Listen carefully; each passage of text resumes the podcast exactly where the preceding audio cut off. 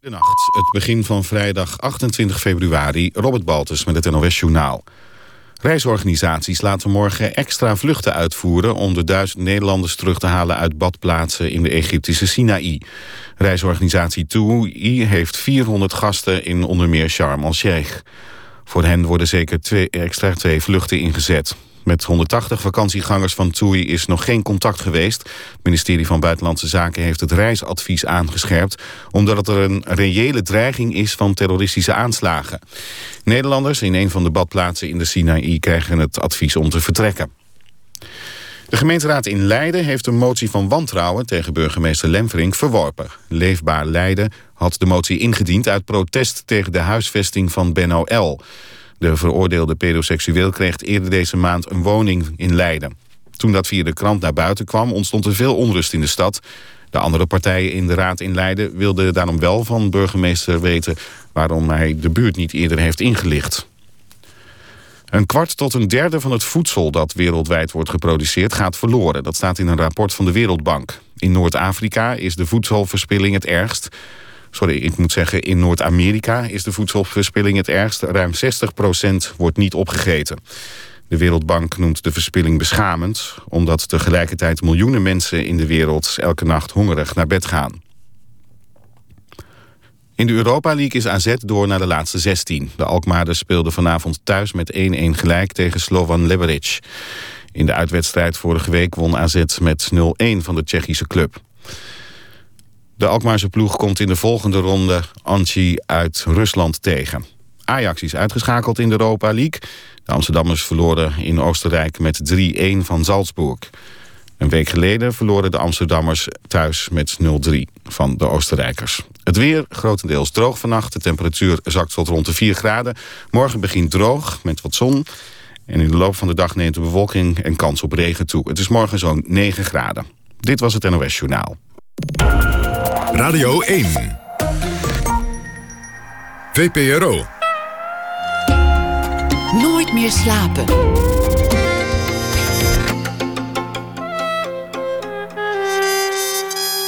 Met Pieter van der Wielen. Goedenacht en welkom bij Nooit meer slapen. Na ene krijgt u een verhaal dat Walter van den Berg speciaal voor ons schreef. Dat doet hij deze week elke dag voor ons. En bij de Oscars is acteren met alleen de stem nu ook een prijs waard. Of stemacteren evenveel waard is als gewoon acteren... dat hoort u van de veelgevraagde actrice Georgina Verbaan. Maar we beginnen met Tonio. Pinksterweek in 2010 overlijdt de 21-jarige student Tonio van der Heijden... de enige zoon van schrijver AFTH van der Heijden en Mirjam Rotestrijg. Het boek dat Adrie van der Heijden over zijn zoon en zijn verdriet schreef... werd een van de mooiste, aangrijpendste en meest geprezen romans van de afgelopen jaren, Tonio. Intussen schreef hij ook een andere roman, De Helleveeg. Maar met het boek Tonio was nog niet alles gezegd. En dus is er nu een zusterboek, vandaag verschenen. De titel is uitverkoren. Welkom, Adrie van der Heijden. Is het inmiddels ehm, al gewoon geworden om, om erover te praten? Om, om interviews te geven en dan te praten over je verdriet en, en de dood van je zoon? Uh, gewoon is het niet geworden. Dat wordt het ook nooit. Dat, uh, het, het, het wendt nooit. Het, uh, ik, er is een klein stemmetje in mij, een klein giftig, blikkerig stemmetje... dat steeds wil zeggen van, zullen we met deze komedie ophouden? Want die jongen is helemaal niet dood. Uh, dus nee, het, het, het wendt nooit zoals het verlies zelf, het gemis zelf nooit wendt. In het begin wilde je er helemaal met niemand over praten. Op een gegeven moment moet je weer naar buiten. Op een gegeven moment uh, um, beginnen ook de, de gesprekken weer. En zelfs daarna komen natuurlijk interviews. Er is een boek geweest. Alles gaat eigenlijk over het geven van woorden aan, aan het verdriet, eh, het geven van woorden aan, aan dat, dat verhaal. Lukt dat inmiddels? Krijgt het een soort gemak om, om woorden te geven? Omdat je misschien die woorden al eerder gebruikt hebt, bijvoorbeeld? Nou, ik, uh, ik praat liever over een, een roman die 100% fictie is. dan kan ik het over mijn werkplannen hebben... over de opzet van het boek, de vorm. Dat is allemaal in het geval van Tonio en dit kleine aanhangsel uitverkoren heel anders. Ik, heb het toch altijd, ook al heb ik het over de techniek van het boek Tonio... hoe ik het in elkaar heb gezet... heb ik het toch altijd over die jongen zelf. En over mijn verlies en gemis en verdriet. Ehm, nee, dat wordt ook niet gemakkelijker in de loop van de tijd. Het, uh, daar is geen erosie mogelijk. Een van de woorden die vaak wordt gebruikt, mensen, mensen uh, krijgen de neiging ook uit ongemak, denk ik, om, om in clichés te praten. Een, een, een lelijk cliché is bijvoorbeeld iets een plekje geven. Verwerking is, is een wat minder lelijk cliché, maar nog, nog steeds een, een cliché. Je schrijft dat je niet van het woord verwerken houdt. Nee, het, het uh, verwerken, dat, dat heeft voor mij een lading van, hoe zal ik het zeggen, het, uh, uh, dat, dat je het wegmaalt, dat je het vermaalt, dat je verdriet, rouw zou kunnen vermalen tot er niets van over is. Als een afvalverwerkingsbedrijf die er iets anders van maakt. Ja, het verwerken is voor mij veel meer er een andere vorm aan geven. Een ander lelijk woord, uh, recyclen. Het, uh, het, het pure verdriet krijgt een andere vorm in de loop van de tijd. De, de, van slijtage, van verdriet en gemis is geen sprake. Maar um, het, de vorm verschuift. In, in, de, in het begin, je hebt die dreun gekregen... en die dreun die moet je incasseren. En je weet eigenlijk niet wat je is overkomen. Je bent verdoofd door die enorme klap. En naarmate tot je doordringt wat er echt gebeurd is... wordt, wordt het besef van uh, een, een leemte die is ontstaan alleen maar erger. Dus naarmate het langer geleden is en je uh, het hele ongeluk beter in perspectief kan plaatsen... Uh, wordt het ook gruwelijker. Dus daar, helpt, daar, kun je, daar kun je een boek over schrijven. Maar dat, uh, dat wordt nooit een verwerken. Uh, of uh, wat een ander cliché luidt, het van je afschrijven. Alsof het schrijven in zo'n geval een therapeutische werking kan hebben. Dat kan natuurlijk niet, want je kunt, je kunt met, zelfs met schrijven kun je de leemte niet, niet volstorten. Toch gebeurt er natuurlijk wel van alles met de tijd met, met dat verdriet. Het verandert, het neemt, neemt andere vormen aan. Als ik het dan toch verwerken zou moeten noemen, hoe, hoe zie jij verwerken? Hoe kijk je daar tegenaan? Nou, uh, ik, ik wil, stel dat verwerken zou betekenen, stel dat, dat, dat ik kon kiezen, hè, dat, dat, dat iemand mij erop zou wijzen, van als je het zus en zo aanpakt, dan verwerk je het wel. Dan wordt, wordt het allemaal wel wat minder in de loop van de jaren. Dat zou ik weigeren. Ik vind dat ik het aan die, aan die jongen die zijn leven niet mocht afmaken... verplicht ben om, uh, om de pijn, om zijn verdwijnen... heel dicht bij me te houden. Uh, ik had het er vanmiddag nog met Mirjam, mijn vrouw, over. Dat, kijk, we, we, we, we zaten verstrikt in een vreemd soort dilemma in het begin. En dat dilemma, dat behelste de, de keuze tussen... we gaan uh, met hem te gronden, iets later dan hij... maar we gaan met hem te gronden aan zelfvernietiging. Dat zijn we aan hem verplicht. Want ja, als zijn leven ophoudt, waarom zou ons leven dan niet ophouden? Of we luisteren uh, naar onze verbeeldingskracht... en onderzoeken onze verbeeldingskracht... proberen zijn stem aan het praten te krijgen van... Tonio, wat zou jij gewild hebben? Zou jij willen dat wij als een soort destructieve, zelfdestructieve eredienst... met jou te gronden gaan? Of zou jij willen dat we ook, maar misschien meer als eredienst aan jou in leven blijven... en dat leven voortzetten en dat aan jouw nagedachtenis wijden? Dat was het dilemma. En uh, nou ja, dat, uh, een, een, dilemma bestaat altijd uit twee onmogelijke keuzes. Maar in dit geval was er een overeenkomst... Uh, dat waar we ook voor zouden kiezen... het zou te zijner ere zijn geweest, te zijner nagedachtenis. Uiteindelijk hebben we gekozen om door te gaan. Omdat we dachten dat hij, als we het konden vragen... dat hij gewild zou hebben dat we doorgingen. Maar toch, toch hecht je bijna aan, aan die pijn. Ja, maar die pijn, die, eh, daar kun je ook aan wijden. Uh, zonder dat je jezelf te gronden richt. En ik bedoelde met de gronden richten ook echt... de gronden richten, gewoon je leven kapot maken. Uh, jezelf kapot drinken of, of, ja, of langzame of snelle zelfmoord. De, je, jezelf verlogenen, je talent verlogenen. En... De laatste zin van, als ik het dan toch even over fictie mag hebben... de laatste zin van advocaat van Hanen luidt... hij was nog maar net begonnen aan zijn zelfmoord. Mondjesmaat. Ja, dus dat, dat, daar, daar kun je ook aan denken, ja, aan, aan een mondjesmaat uh, zelfvernietiging. Maar, maar, toch vind ik het interessant dat, dat, je, dat je zegt dat, dat die pijn nodig is om, om Tonio bij je te houden. Dat, dat afscheid nemen van de pijn eigenlijk hetzelfde zou zijn als afscheid nemen van, van de jongen. Neem wat water, ja. Ja, het, uh, ik had een pilsje besteld, maar dat is niet doorgekomen. Volgens mij komt er nu net iemand binnen hier met een, met een pilsje. Die, die moest okay. van beneden komen.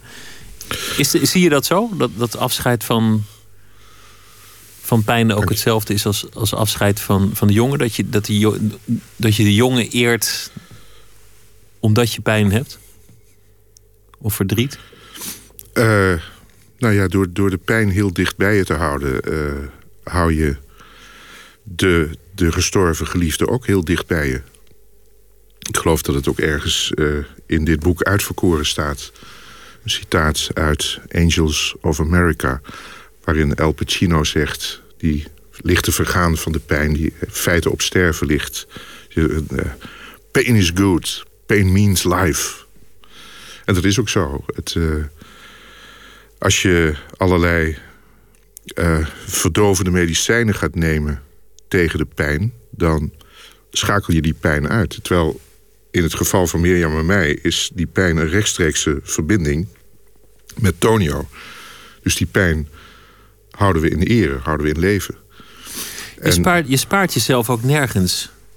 Je, je, je gaat het nooit uit de weg. Je gaat, gaat ook in, in het boek Tonio op zoek naar de plek waar het gebeurd is. Op zoek naar de, de beelden zelfs van, van, het, van het ongeval.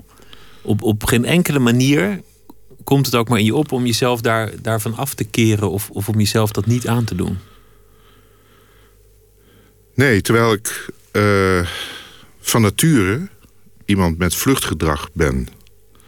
Bij wijze van spreken, als ik een, uh, een brief op de mat zie liggen... en ik zie aan de envelop dat daar onheil in zit... dan hebben we het niet meteen over belastingbrieven... maar gewoon dat ik zie, oh jee, stront aan de knikker. Dat mm -hmm. is een brief van die en die. En daar staat een geweldige beschuldiging in. Dan heb ik de neiging om die brief wekenlang dicht te laten. En eigenlijk is er de wens om die brief voorgoed dicht te laten. Alsof hij nooit bezorgd zou zijn. Dus ik ben iemand met, met, met vluchtgedrag. En uh, op het moment dat Tonio ons ontviel...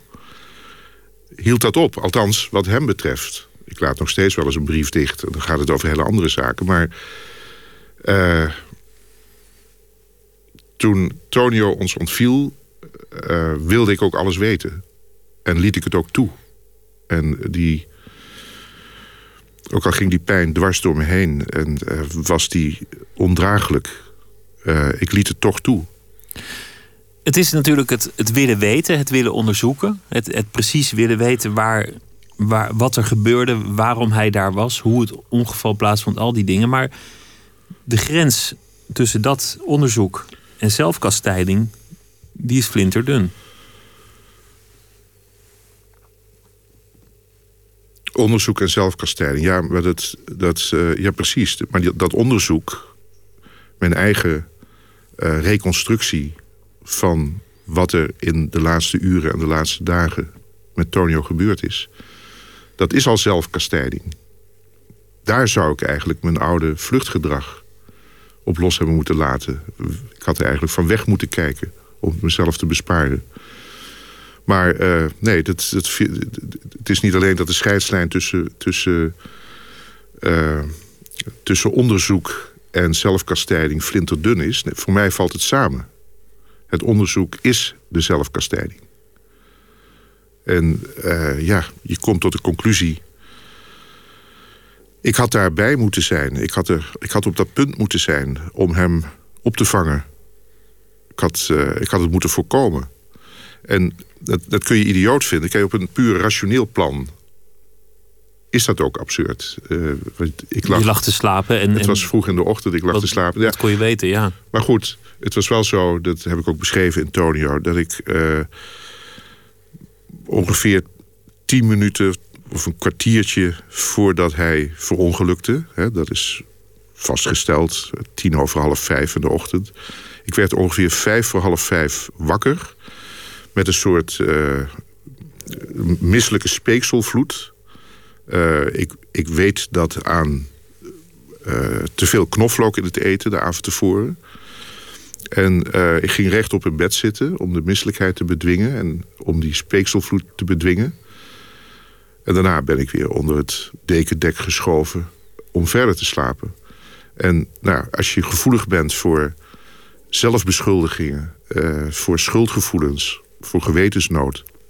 dan kun je jezelf gemakkelijk wijsmaken van ja ik geloof wel niet in God, maar ergens vandaan heb ik een teken ontvangen... dat ik als de bliksem uit bed moest komen...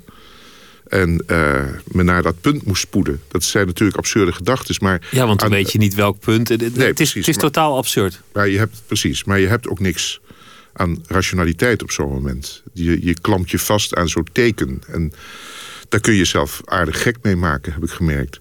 Maar die, die drang tot zelfkastijding. Die drang om het jezelf kwalijk te nemen, jezelf te beschuldigen. Het, te zien als een eigen tekortkoming dat dit ongeluk gebeurd is.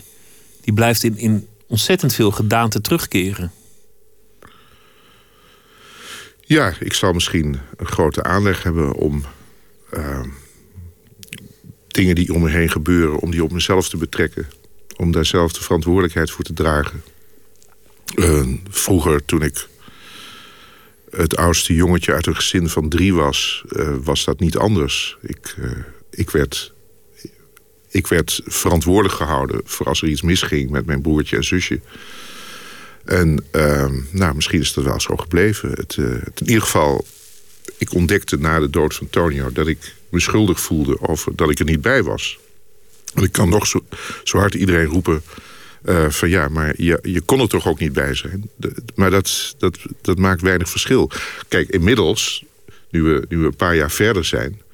Uh, kan, ik veel, kan ik daar veel rationeler over denken. Maar in die, in die tijd, in die weken na het ongeluk... Uh, verging ik van het schuldgevoel. Maar in, in uitverkoren staat, staat ook nog dat, dat je je schuldig voelt omdat je bent begonnen aan het avontuur van, van een, een ander leven. De verantwoordelijkheid bent aangegaan. Iemand op de wereld hebt, hebt gezet met dat, dat je hele leven een aanloop is naar dat ongeval. Dat, dat um, op een gek soort manier misschien je hele werk uh, als, als schrijver, dat, dat daar een, een tekortkoming lag die uiteindelijk moest leiden tot dat ongeval. Op, op alle manieren komt steeds dat verwijt terug en, en dat zelfverwijt. Ja, omdat die, dat zelfverwijt en dat schuldgevoel uh, een realiteit vormen waar ik niet omheen kan. En niet, niet alles is rationeel weg te masseren. En uh, nou ja, ik ben ook nog schrijver genoeg om dat zelfverwijt en dat schuldgevoel serieus te nemen. Daar moest ik iets mee, dat moest ik vormgeven. Waarom was ik er niet om hem op te vangen? Ja, is absurd. Er waren twee krachten naar elkaar onderweg. Hij op zijn fiets, uh, vrijelijk zoevend door de, door de stille stad... want er was verder niks te doen. De stoplichten stonden op knipper oranje. En van de andere kant uh, kwam een, uh, een rode Suzuki Swift aangezoefd. En die twee krachten waren naar elkaar op weg. En het noodlot kon met zijn armen over elkaar achterover gaan zitten. Want ach, die twee krachten vonden elkaar wel. Uh, er is eigenlijk geen plaats voor mijn zelfverwijt en mijn schuldgevoel in dit, in dit spel van krachten. En toch speelde het een rol. Het, het is eigenlijk een, een ongeval dat, dat zo um, onbenullig is in zekere zin, om, omdat het iedereen bijna wel eens gebeurd is. Iedereen die wel eens door Amsterdam fietst, iedereen die, die waar dan ook wel eens fietst, iedereen die wel eens oversteekt. Iedereen heeft volgens mij wel eens dat moment gehad dat hij dacht: Goh, één, één seconde later of één stap opzij en, en ik had eronder gelegen. Ja. Nou, ik beschrijf in Tonio ook zo'n moment dat ik als, laten we zeggen, als 14-jarige naar school, naar school fietste met vrienden. En ergens moesten we altijd elke ochtend linksaf een drukke weg over. En uh,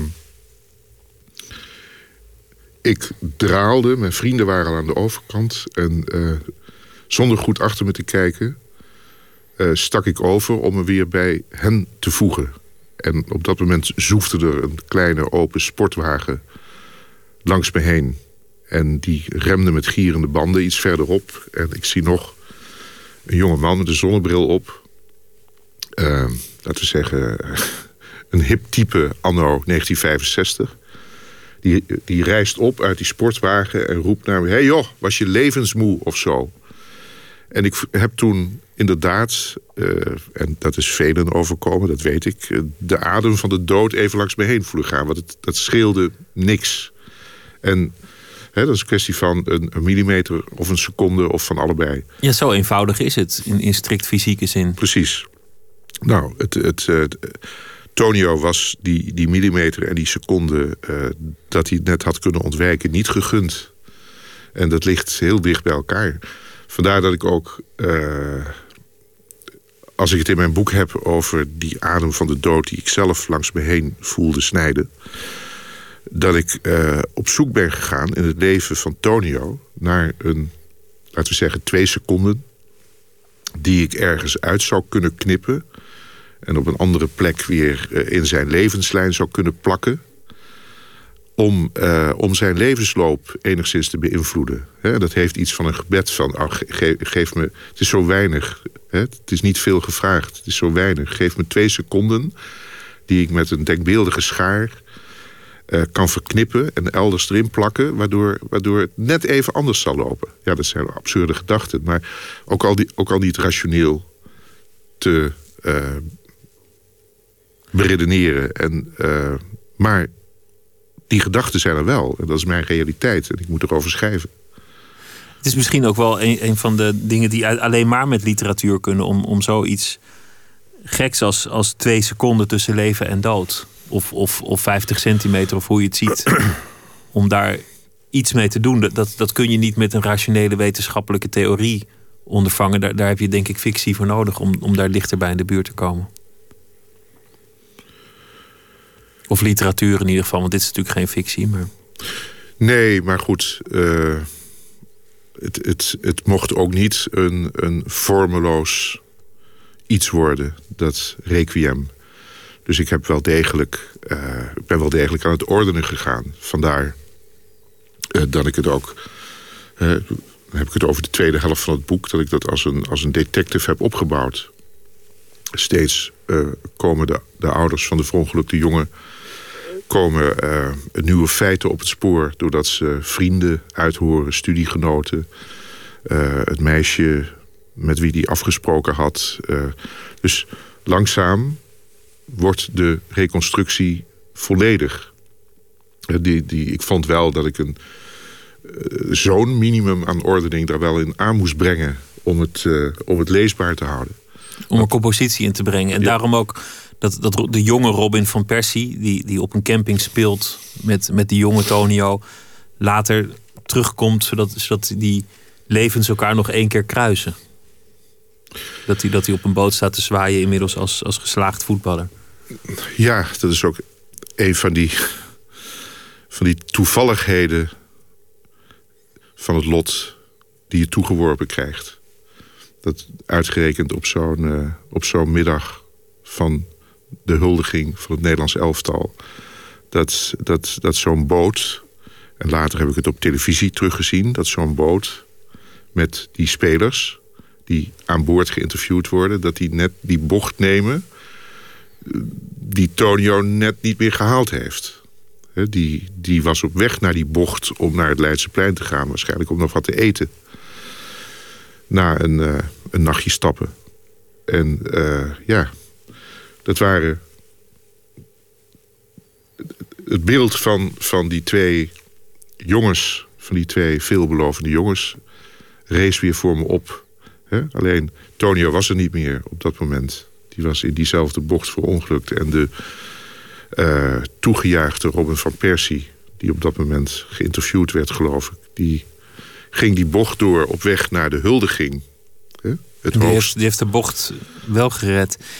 Je zei net, ik ben het aan hem verplicht om, om niet ten onder te gaan. Of wij zijn het aan, aan onszelf of aan hem verplicht om, om niet ten onder te gaan. In hoeverre ben je veranderd als schrijver? Maar als persoon, dat lijkt me, lijkt me een te grote vraag. Dat, dat lijkt me in zoveel opzichten. Maar in, in hoeverre is het anders? Ga je anders te werk? Kijk je anders tegen je werk aan? En, en hoe anders eh, werk je nu? In ieder geval uh, systematischer, efficiënter, uh, dagelijks, gedisciplineerder. Ik wil niet zeggen dat ik in het verleden niet gedisciplineerd werkte, maar daar zaten, uh, daar zat toch ook wel heel veel ruis van het gewone alledaagse leven in. Dat, dat, dat sta ik mezelf nu veel minder toe. Hoe is dat verschil te verklaren? Waarom? Waarom ben je ook daarin strenger voor jezelf geworden? Nou, ik denk dat het. het, al klinkt het raar. Uh, het heeft misschien met met een groot gevoel van opluchting te maken. Dat, uh, kijk, ik, ik begon vrij kort na Tonio's dood aan een requiem voor hem. Ik dacht dat dat een karwei was dat ik nog moest klaren. Dat ik dat aan hem verplicht was. Om hem nog even warm en in leven te houden. Maar gaandeweg dat boek... dat natuurlijk ook vreselijk was om te schrijven... maar gaandeweg dat boek kreeg ik behoefte om, als het boek afgesloten was... om verder te gaan met mijn fictie. Om uh, plannen die ik had liggen... Uh, kladversie van een roman in een paar ordners... om dat weer allemaal tevoorschijn te halen... en daar serieus werk van te gaan maken. En zo is het ook gegaan. Het, uh, en ik denk dat, die, dat ik me verplicht voel aan die opluchting... die ik niet verwacht had... om die plannen ook waar te maken. Maar, maar al die ruis van het gewone leven. Uh, Café de Zwart. Uh, Café Welling. Uh, misschien ook wel gewoon thuis een, keer een avond niks doen. ja, alles wat jij noemt, de, ruis van het gewone leven. Is, is dat verdwenen? Nou ja, eh, jij vraagt nu specifiek naar cafébezoek. Ja, ik heb heel wat uh, voetstappen liggen bij Café de Zwart en bij Café Welling. En in nog een heleboel andere uitgaansgelegenheden die ik nu niet zal noemen. Maar uh, nou, het is veel meer een... een, een uh, kijk, die, die, die ruis van het dagelijkse leven is natuurlijk niet helemaal verdwenen. Kijk, er is ook nog meer jam. En we hebben met elkaar een ritueel dat als we als, als een van ons tweeën zin heeft om, uh, om op de bank te gaan zitten met een borrel... Nou, dan, dan doen we dat automatisch allebei. En daar staat heel vaak Tonio tussen ons in op. Of die zit tussen ons in. Of, uh, dat zijn van die rituelen om hem op te roepen. Uh, dat is er nog wel. Maar ik, heb, ik bemerk bij mezelf geen behoefte meer om in cafés te gaan rondhangen... en eindeloos te kletsen met, met collega's en vrienden. Dat is, ik wil niet zeggen dat het 100% verdwenen is, maar ik denk ook dat dat elkaar in de weg zit. Het, ik heb een soort vanzelfsprekende discipline veroverd, die zich niet laat combineren met veel tijdverlies aan cafétafels. En nou ja, dat, dat, geeft ook wel eens een steek van heimwee natuurlijk. Want je, je neemt niet zomaar afscheid van dingen waar je ooit van gehouden hebt. Maar uh, nee, alles wordt veel meer opgeofferd aan het werk. En ik hoop dat ik nu niet als een uitslover overkom. Want het is... uh, ja, ik el ook ademloos achter mijn doelen aan. dat heeft iets, iets manisch, iets monomaans. Maar, en maar die, die, die nieuwe discipline, heeft, heeft dat ook te maken met een, een nieuwe bescheidenheid? Omdat je misschien even gedacht hebt misschien komt het wel nooit meer dat ik kan schrijven. Of, of het is eigenlijk bijzonder dat het nu lukt om te schrijven en dat het voorheen vanzelfsprekender was?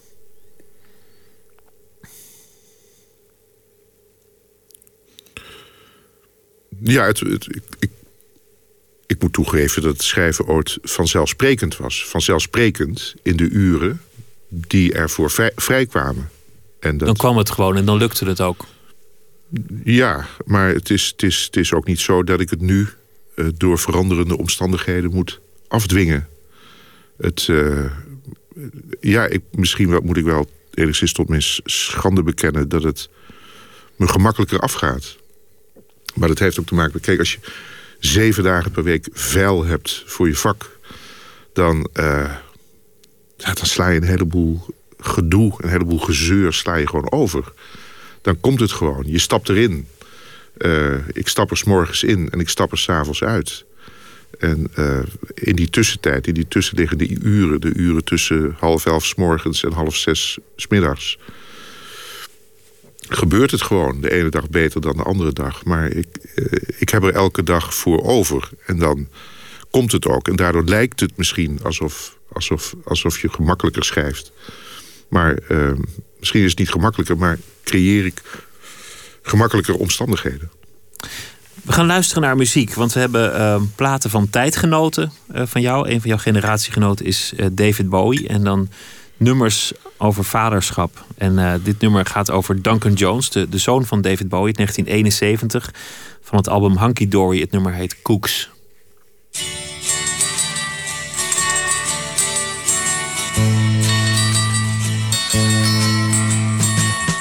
Will you stay in a story? If you stay, you won't be sorry, cause we believe in you.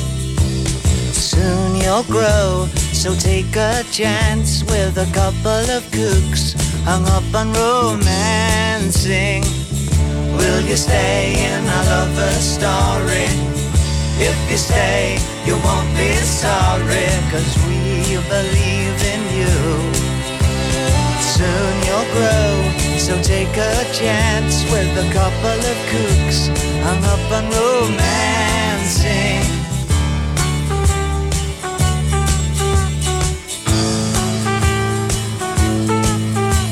We bought a lot of things to keep you warm and dry, and a funny old crib on which the paint won't dry.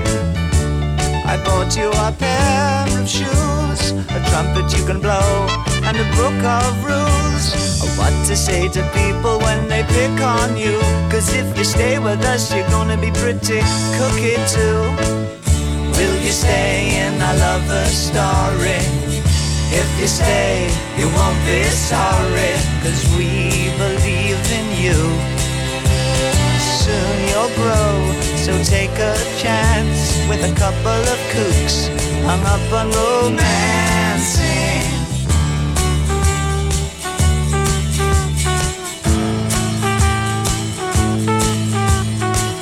And if you ever have to go to school, remember how they messed up this old fool.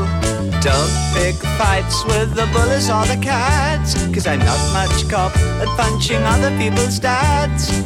And if the homework brings you down, then we'll throw it on the fire and take the car downtown. Will you stay in my lover's story? If you stay, you won't be sorry, cause we believe in you. Soon you'll grow, so take a chance with a couple of cooks hung up on romancing. Will you stay in my lover's story? If you stay, you won't be sorry, cause we believe in you. Soon you'll grow, so take a chance. David Bowie, Cooks uit 1971. Adrie van der Heijden zit hier. Het, nieuwe boek is uit, uitverkoren. Een zusterboek van het boek uh, Tonio. je zei net van ja, als 10 seconden, 20 seconden later op dat kruispunt en alles was anders gelopen, dan had hij gewoon die hoek gehaald. Dan was hij een kroket gaan eten op het Leidseplein en was alles voor hem verder gegaan. Wat was er eigenlijk gebeurd met jouzelf als die 20 seconden anders waren gegaan? Als het, als het in dat Pinksterweekend in 2010 allemaal niet zo uh, gigantisch mis was gelopen? Nou, wat ik je kan vertellen is dat ik uh, de zaterdag voor die Pinksterzondag had ik een geheel nieuw werkschema gemaakt. Ik werk altijd met werkschema's van 100 dagen. En um, dat is een eenheid voor mij. Ik kan een boek afmaken in 100 dagen, als er dus al het nodige voorbereid is. En dat was ik van plan. Ik, ik had een uh, roman in voorbereiding, Kwaadschiks. Een nieuw uh, tandloze tijddeel. En ik meende daar nog zo'n eenheid van 100 dagen voor nodig te hebben. Dat had ik helemaal uitgeschreven op ruitjes papier. Uh, hè, voor elke dag zoveel vakjes, zodat ik kon invullen hoeveel bladzijden, et cetera. Nou, gewoon mijn methode. Uh, dat lag dus klaar. Dus ik had een heel sereen gevoel toen ik op zaterdagavond ging slapen. Ik werd op zondagochtend wakker. Het was een, beloofde een schitterende dag te worden. Dat werd het ook. Althans, uit meteorologisch oogpunt. En um, ik lag naar het, het luiden der klokken te luisteren in bed. En Mirjam zat beneden te werken aan haar boek. En uh, met tevredenheid dacht ik aan dat schema dat links van mijn typemachine... ik werk altijd op een ouderwetse elektrische typemachine... op me lag te wachten. En wat had ik gedaan? Eerste Pinksterdag, dat zou een dag nul zijn. Dat, uh, 100 dagen, maar ik begin altijd met een dag nul.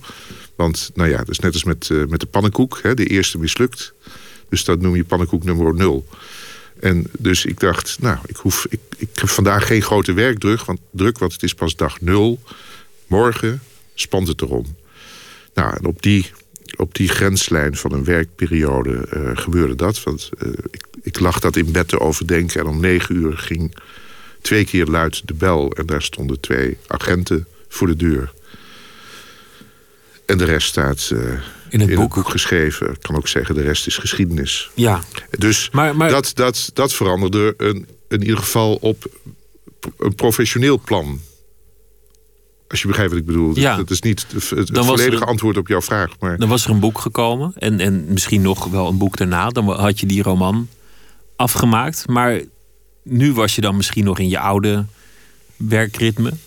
Uh, zonder de nieuw verworven afzondering die, die je net beschreef? Was je, was je misschien, of waarschijnlijk, de oude in, in een bepaald opzicht? Ja, dan, dan was, was ik ook wel veranderd. Maar ik denk op een wat minder uh, plotselinge manier. Uh, dan, uh, dan zouden we... Nou, om, om een voorbeeld te geven van, van verandering. Het, het, ik was op dat moment, we hebben het nu even over leeftijd. Hoe oud, hoe oud was ik op dat moment? Uh, 58. Nou, dat, daar had ik niet veel moeite mee op dat moment. Ik, uh, ik zag nog heel veel werktijd voor me liggen. Heel veel leeftijd voor, leeftijd voor me liggen. En uh, plotseling werd Tonio weggerukt en ineens was die leeftijd een punt toen ik had gedacht dat ik heel gemakkelijk voorbij die drempel van 60 zou glippen. Maar ineens was 60 ook echt 60. Dat was, was wel een grote verandering. Ineens ben je echt oud. Ja, en dat heeft natuurlijk ook te maken met dat het hele idee van nageslacht wegvalt. We hadden maar één kind, één zoon, maar ook maar één kind. En uh, nou, die zou ons dus zeker geen nageslacht meer meer bezorgen. En uh, nou, wij zouden ook geen kinderen meer krijgen. Uh, nou ja, je hebt, je hebt daar in Italië nog wel ergens zo'n professor zitten... die bij uh, dames van boven de 60 een, een kind in de buik kan toveren, zullen we, maar, zullen we maar zeggen. Maar dat, dat, dat, dat is niet onze methode. Mirjam was op dat moment ook al 50. Dus dat viel weg. En dat, ook al heb je dat altijd ontkend... dat dat heel erg een rol bij je speelt. Het idee van nageslacht. Dat begon ineens wel mee te spelen. Wij zouden geen kleinkinderen krijgen. Ja, tenzij we de boel zouden opbreken... en dat je hele nieuwe levens... Uh, papa met een tweede leg, et cetera. Dat, uh, maar dit hele, deze hele tragedie heeft ons alleen maar dichter bij elkaar gebracht. Dus dat, nee, het, we waren afgesneden van nageslacht. Mm -hmm. Afgesneden van iemand die ons te zijner tijd de ogen toe zou kunnen drukken. En dan uh, komt leeftijd, of je nou wilt of niet... of je het nou ontkent of niet, in een heel ander perspectief te staan. In, in jouw fictieve werk was, was tijd altijd een heel groot thema. Het overwinnen van de tijd. Het, uh, het van je afschudden van de tijd. Het breed leven, omdat het in de lengte niet iets is waar je zeggenschap over hebt. Het zijn, zijn eigenlijk thema's waar je je hele leven al mee bezig hebt gehouden als schrijver. Ja, maar dat, uh, dat zou ik sowieso. Dat is voor mij is, is werkelijkheid tijd. Uh, alleen, ik zie tijd niet altijd als een, uh, als, als, als een, een, een lineaire tijd. tijd is, is iets dat, dat kan versnellen en vertragen. En nou ja, wat altijd ook mijn obsessie was... kun je, kun je niet iets met tijd doen? Kun je er niet iets aan verfrikken... waardoor je het in, in de breedte uitrekt? En die hele notie van tijd heb ik uitgeleend... aan Albert Egberts in De Tandeloze Tijd. Dat is wat hij noemt leven in de breedte. dat je een, een willekeurig moment zo van betekenis kunt vervullen...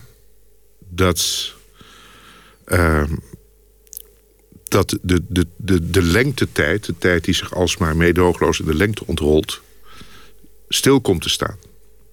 Het is natuurlijk een, een onmogelijke procedure, maar het streven ernaar van Albert Egberts, en ik heb dat natuurlijk uh, bij hem heel extreem geformuleerd, maar het, het is ook iets dat in mijn leven speelde. Het, het, kan niet zomaar zijn dat die tijd jou steeds maar bij de lurven grijpt en meesleurt. En als jij wint, dan, willoos. dan wordt het een tandeloze tijd.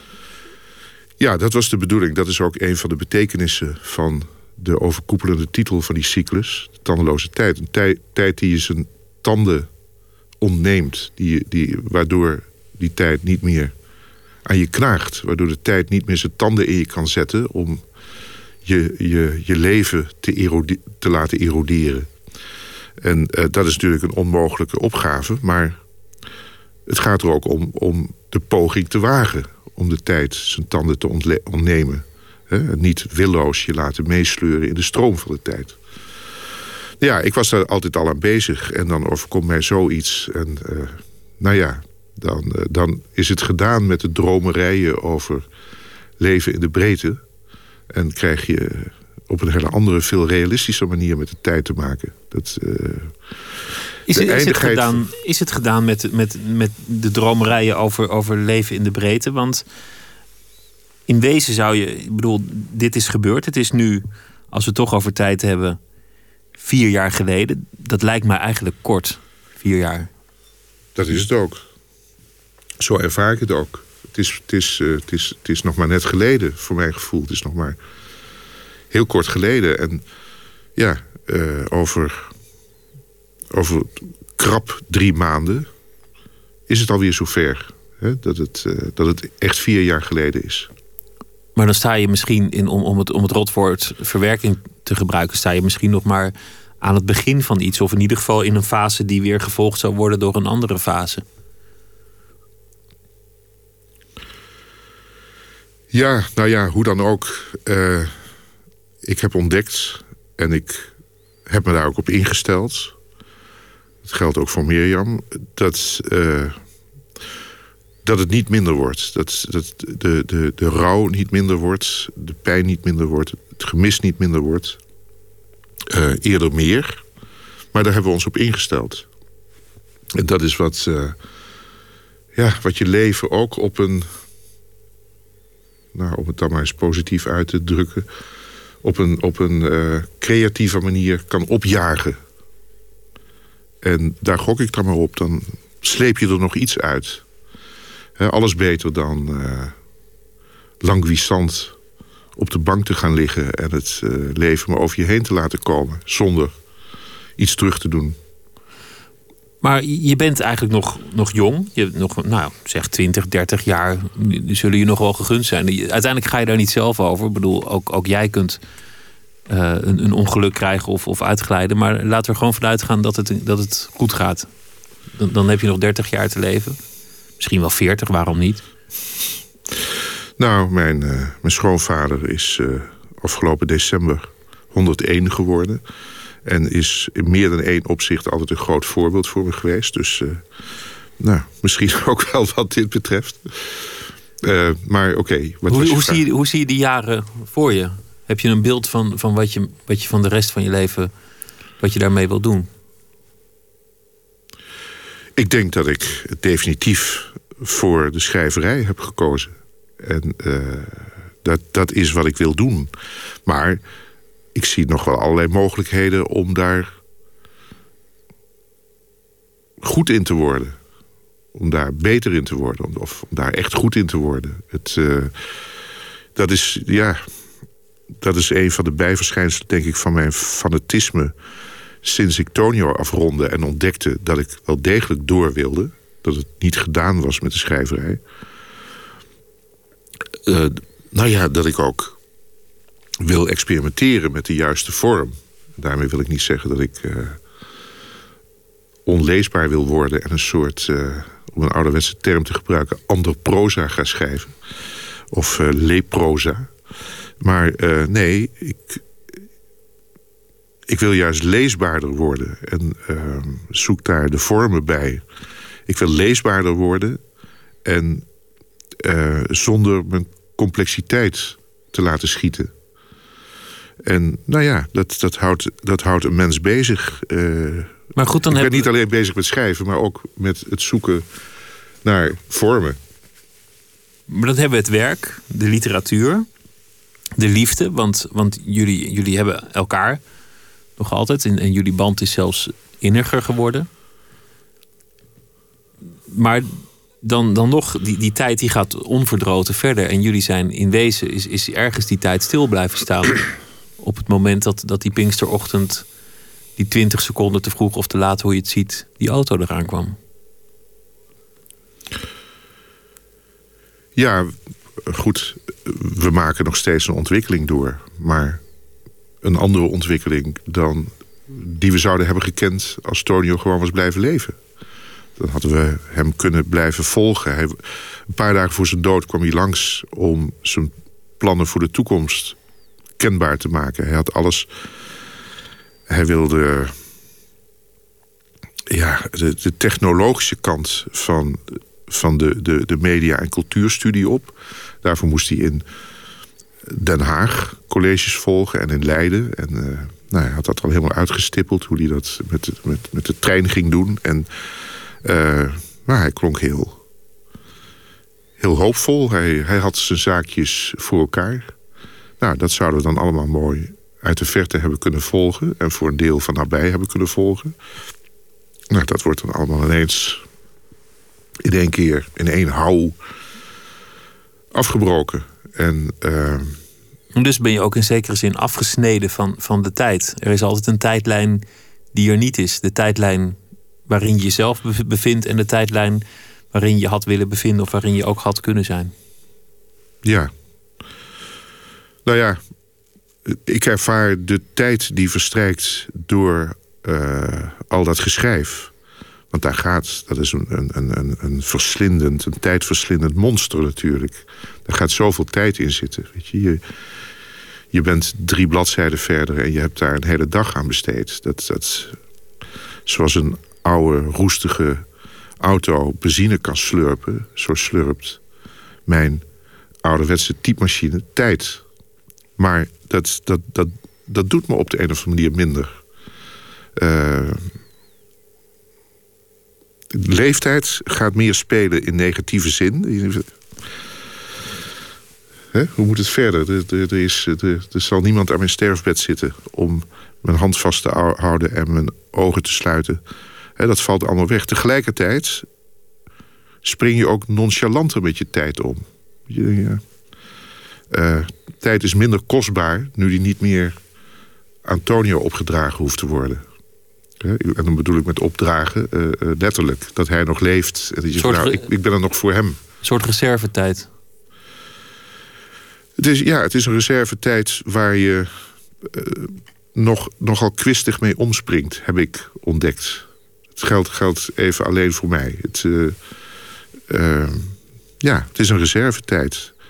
En dat heeft ook alles te maken met dat je besloten hebt... ik ga niet te gronden met hem. Maar uh, omdat hij liever had gezien dat wij in leven bleven... Doe ik dat dan maar. Maar tijd is, ik wil niet zeggen minder kostbaar... maar van minder waarde geworden. Het is niet meer een... een kijk, om het heel praktisch te zeggen... Ik, ik had mijn zinnen erop gezet om met een eerstvolgend boek... genoeg geld te verdienen om hem ergens een, uh, hè, zolang hij nog student was, een verdiepingje in de pijp te bezorgen. Hè, om dat voor hem te kopen. Nou goed, dan, dan is de tijd die je besteedt aan zo'n boek... waar je ook nog geld mee wilt verdienen om hem te bevoordelen... ja, dat, dat, dat valt weg. Dat is, dat is niet meer nodig. En toch eigenlijk ademloos achter de voltooiing van een volgend boek aan. Dus blijkbaar heeft die tijd die ik eraan besteed een, ander, uh, een andere, andere kleur gekregen, een andere waarde. Het boek heet Uitverkoren, ligt vanaf heden in, in de winkel. AFTH van der Heijden, A3 van der Heijden, dankjewel. Leuk dat je te gast wilde zijn. Uh, we draaien nog een plaat uh, van een generatiegenoot over een zoon, John Lennon. En die uh, gaat over Sean Lennon, Beautiful Boy heet het nummer uit 1980.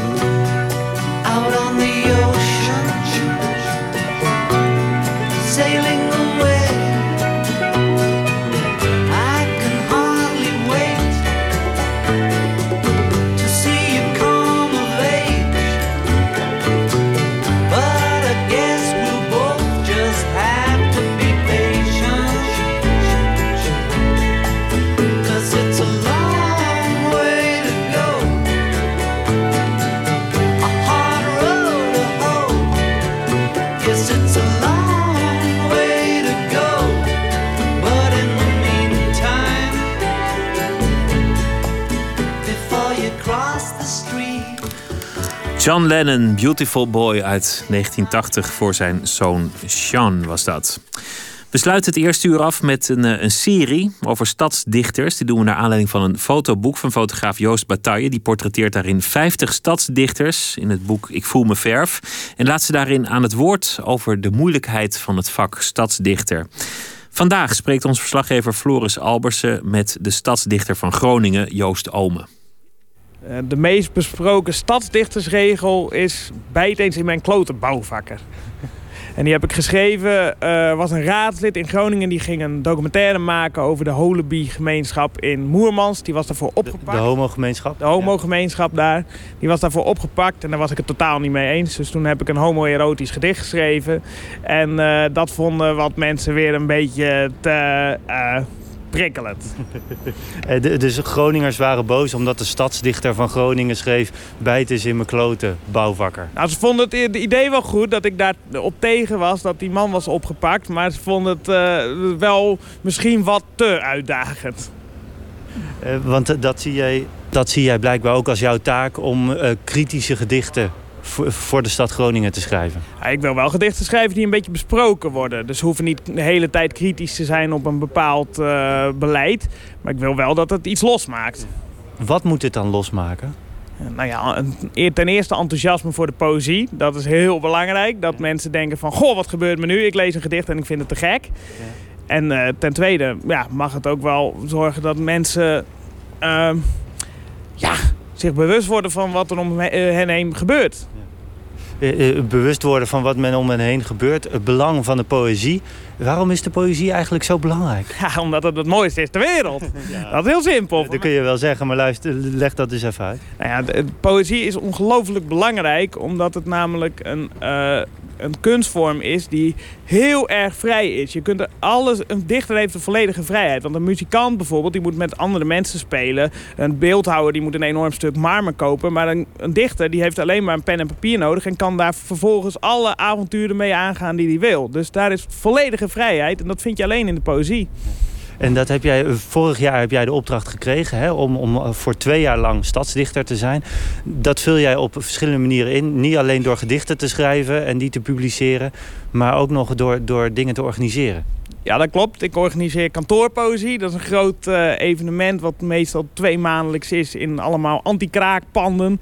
En uh, daar komen een heleboel jonge mensen op af. We programmeren jonge dichters met een heleboel bandjes. Dichters vanuit de rest van het land, maar ook dichters uit Groningen. En uh, meestal zit het stampvol. Stampvol met jongeren? Die gaan komen luisteren naar poëzie? Ja, ze zijn zo gek genoeg om te komen, dus ik ben er wel blij mee. Wat is dan de truc daarvan? Want de poëzie is helemaal niet een, een super populair genre. En al helemaal niet onder jongeren. Nou ja, wat het vervelende is van heel veel dichters, heel oudere dichters... is dat ze de poëzie enorm serieus nemen. Uh, alsof het een enorm verheven kunstvorm is. En dat is het niet. Het is net zo simpel als een popbandje... of net zo simpel als een graffiti-tekst. En zo moet je volgens mij poëzie benaderen en zo ook programmeren. En dan komt er wel jong publiek op af. En jij bent zelf 23, hè? Um, jij zegt het is net zoals een graffiti-tekst. Ja, dat, dat klinkt leuk. Noem eens wat, wat, wat zinnen van jou, die, of, of uh, frasen, hoe moet ik het zeggen? Versjes? Strofes. Strofes, kijk, sorry. Je, je merkt al dat ik er niet in zit. Um, wat, is, wat is nou een, een strofe die jongeren aanspreekt? Nou, het, uh, ik was net stadsdichter en uh, toen kreeg ik de vraag of ik een gedicht wilde schrijven dat uh, wederom homoerotisch was. Want er kwam namelijk een gay soap uit die speelde in Groningen. En ze vroegen mij als stadsdichter om daar iets over te schrijven. En toen heb ik het volgende geschreven. Oké, okay, maar ik begrijp inmiddels dat, dat je niet alleen stadsdichter bent... maar ook nog vertegenwoordiger van de gay scene in Groningen. dat valt allemaal wel mee, maar ik vind het wel belangrijk. Ja, ja, ja, ik heb hem in mijn tas. Ja, die haal je nu uit je leren tas. Kijk, er zitten allemaal boekjes in. Dit is uit jouw bundel, hoe heet die? Even nee, kijken. dit is een uh, bloemlezing. Ik heb wel een bundel die heet De Stort, maar uh, deze staat er nog niet in. Die komt in de volgende bundel. Goed. In de broek. Glijdt in de broek, kijk, er glijdt de man in zijn broek. De broek is zo'n glad broekje, en de man glijdt in zijn broek, zit in zijn broek. Kijk wat een gladde broek, de man glijdt in zijn broek. Zijn witte spitse voetjes glijden hoep in de broek. Zijn mooie spieren, lichtbehaarde kuiten glijden hoep in de broek. En daar komt zijn dijben en zijn beelpartij met hele kleine witte zachte haartjes. Glijden zomaar langs de broekrand, licht trekt het elastiek op en dan zoef in de broek. De man glijdt hoep in de broek. En dan vervolgens aan de voorkant vouwt de man de boel naar binnen, zodat alles strakjes strakker goed zichtbaar hoep in de broek zit. De man glijdt hoep in de broek, de man glijdt in de broek. Duwt met zijn sterke mooie handen zijn over en kruis naar binnen. Alles zit strak, alles zit goed omlijnd. Alles prima en praat zijn hoogst opwindend goed in de broek. Hoep in de broek. Kijk man, daar glijdt de man in zijn broek. Joost Omen. Jongen, jongen. Wat goed zeg. Joost Ome, de stadsdichter van Groningen was dat. Zometeen is Nooit meer slapen terug met het tweede uur. Daarin krijgt u Georgina Verbaan te horen. En een verhaal van Walter van den Berg. Die is deze week de schrijver die elke dag voor ons een verhaal uh, maakt. U kunt ons mailen nooit meer slapen vpro.nl of via Twitter @vpro_nms. Graag tot zometeen. Op Radio 1, het nieuws van alle kanten.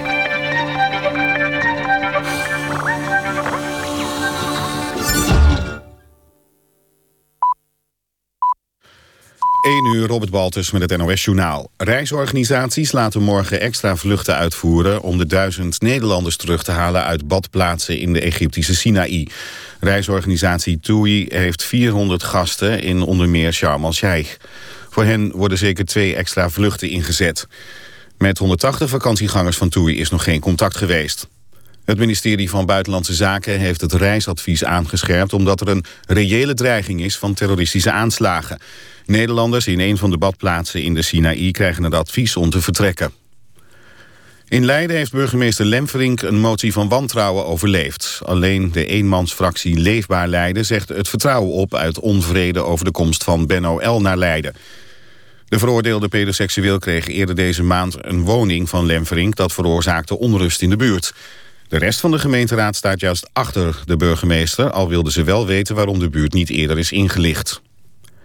De fractievoorzitters van de grote partijen in de Tweede Kamer maken zich zorgen over de voorspelde lage opkomst van minder dan 50% bij de gemeenteraadsverkiezingen op 19 maart. Gemeenten krijgen steeds meer bevoegdheden en daarom is het belangrijk dat er een goed bestuur zit, zeiden ze bij een debat van het tv-programma Pauw en Witteman. Volgens de SP kan de politiek zichzelf deze desinteresse in de gemeentelijke politiek aanrekenen. We moeten naar onszelf kijken, we praten over de hoofden heen, zei SP-leider Roemer. Oeganda krijgt voorlopig geen geld van de Wereldbank. Een lening van 65 miljoen euro voor gezondheidszorg wordt uitgesteld... vanwege de omstreden anti-homo-wet in het land. De maatregel is uitzonderlijk. De Bank voor Ontwikkelingssamenwerking bemoeit zich nooit met de politiek in landen waar het actief is. Mensen in Oeganda die herhaaldelijk seks hebben met mensen van hun eigen geslacht... kunnen een levenslange gevangenisstraf krijgen. Het weer grotendeels droog vannacht. De temperatuur zakt tot rond de 4 graden. Morgen begint droog en met wat zon. In de loop van de dag neemt de bewolking en de kans op regen toe. Het is morgen zo'n 9 graden. Dit was het NOS Journaal. Radio 1. VPRO. Meer slapen.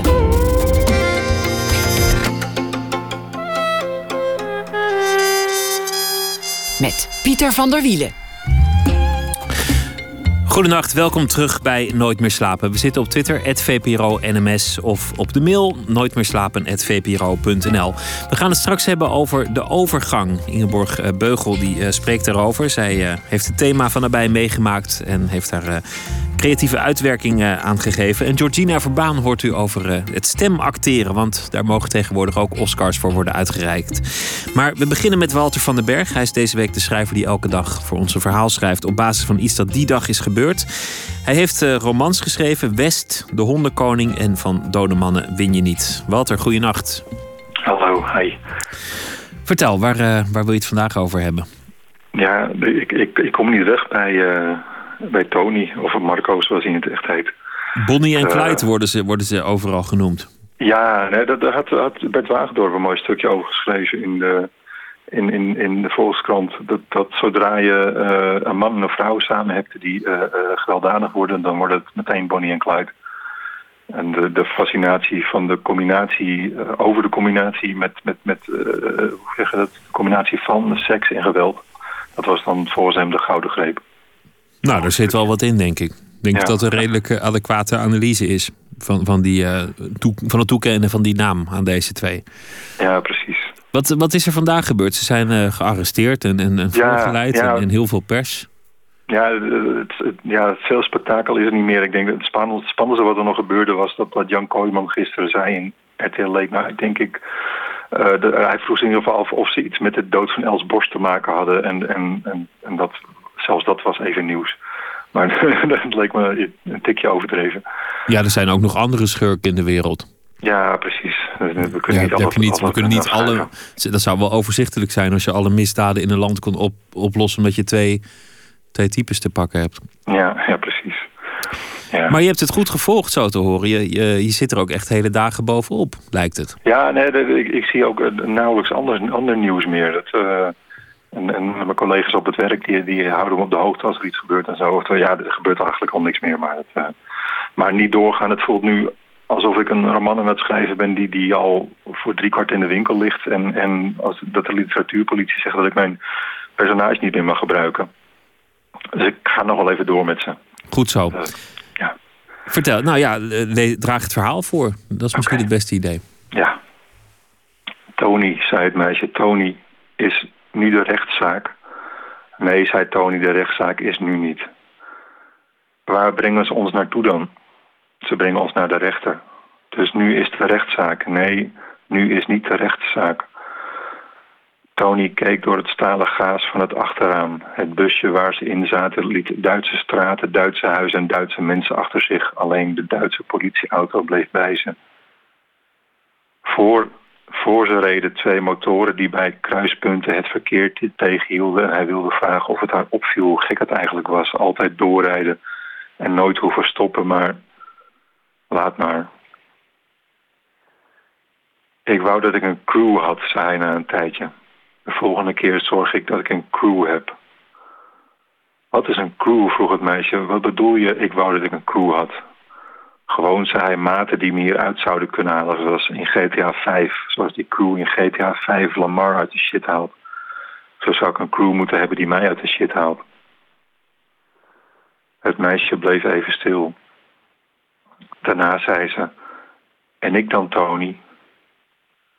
Je moet een paar gasten hebben die je kan vertrouwen, zei Tony. Meer tegen zichzelf dan tegen het meisje.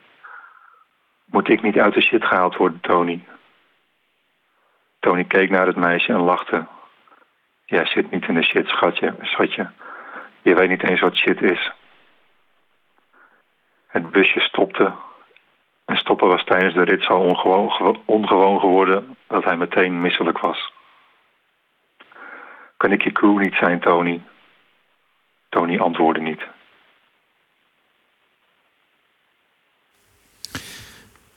Weet je, weet je wat ik zat te denken ook? Dat ik bedoel ik me tegen elke vorm van misdaad en, en, en geweld en, en agressie. Hè? Dat- Dat, even vooropgesteld. Zo, zoals wij allemaal. Zoals, wij, zoals de, de meeste van ons dat uiteindelijk eh, eh, zijn. Maar in, in de liefde, als het echt heel leuk is, als je nog ook in die, in die leuke fase zit. Ik ben inmiddels zo cynisch dat ik denk dat leuk een fase is in de liefde. Dan, dan is het ook een beetje dat samen tegen de rest van de wereld. Snap je wat ik bedoel? Dat, dat je dan Ja, dus ja. samen achtervolgd worden, samen tegen de rest van de wereld. Dat is eigenlijk het hoogtepunt van, van romantiek, toch? Ja, ja maar ik de- denk wel wat ik me afvroeg met, met eh, eh, Antonio. ehm, in de, de stukken die in de Volkskrant hebben gestaan, ook over, over zijn verleden. ehm, dat hij eh, onthecht is opgegroeid en dat soort dingen. En ik vraag me ook af of, hoe, hoe, hoeveel liefde er zit eh, van hem naar haar toe. Ik ben, natuurlijk ben ik alles aan het verzinnen.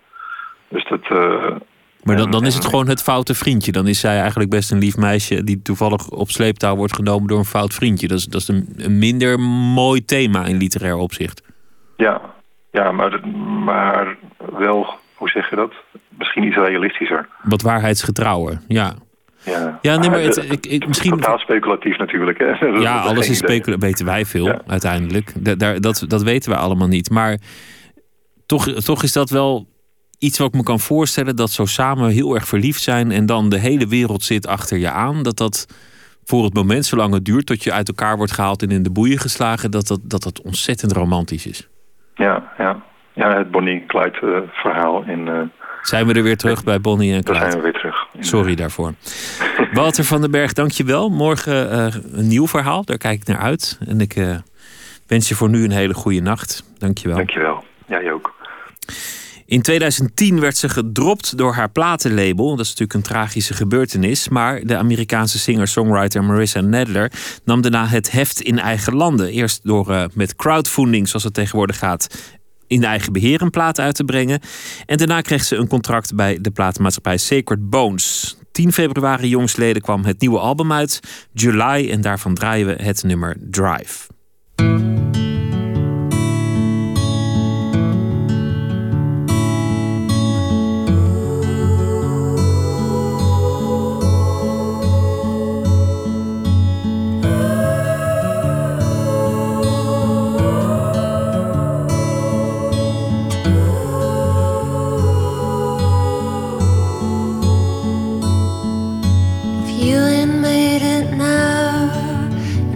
Gonna make it. Seventeen people in the dark tonight. You see some familiar faces behind the cellular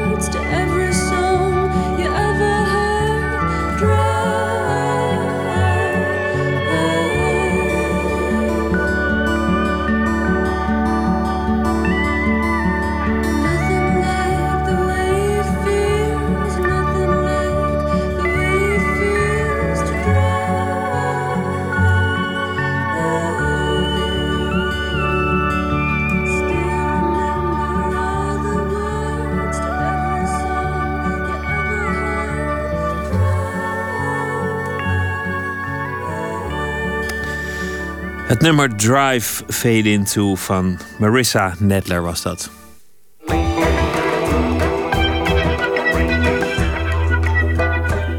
U luistert naar de VPRO op Radio 1. Kun je een Oscar winnen voor acteren zonder dat je daadwerkelijk in beeld bent gekomen? Dat werd een kwestie door de film Her, waarin Scarlett Johansson haar stem leent aan een computersysteem. En dat zo goed doet dat haar naam veelvuldig werd genoemd als kanshebber voor de beste vrouwelijke bijrol. Ze ontving uiteindelijk geen nominatie. Nou ja, is dat nou wel of niet terecht? En moet je nou een Oscar geven of niet? En is het nou volwaardig acteren of niet? En wat is eigenlijk het geheim achter een goede stem? Dat vragen we stemactrice Georgina Verbaan. Oh God, she's so many things. I guess that's what I love most about her. You know, she isn't just one thing. She's so much larger than that. Oh, thanks, Theodore. See, Samantha, he is so much more evolved than I am. You know what's interesting? I used to be so worried about not having a body, but now I, I truly love it. I'm growing in a way that I couldn't if I had a physical form. Eigenlijk is Her een typisch jonge ontmoet meisje verhaal. Behalve dan dat zij niet echt een meisje is, maar een stem in een computer. Het is een knap staaltje acteerwerk van Scarlett Johansson.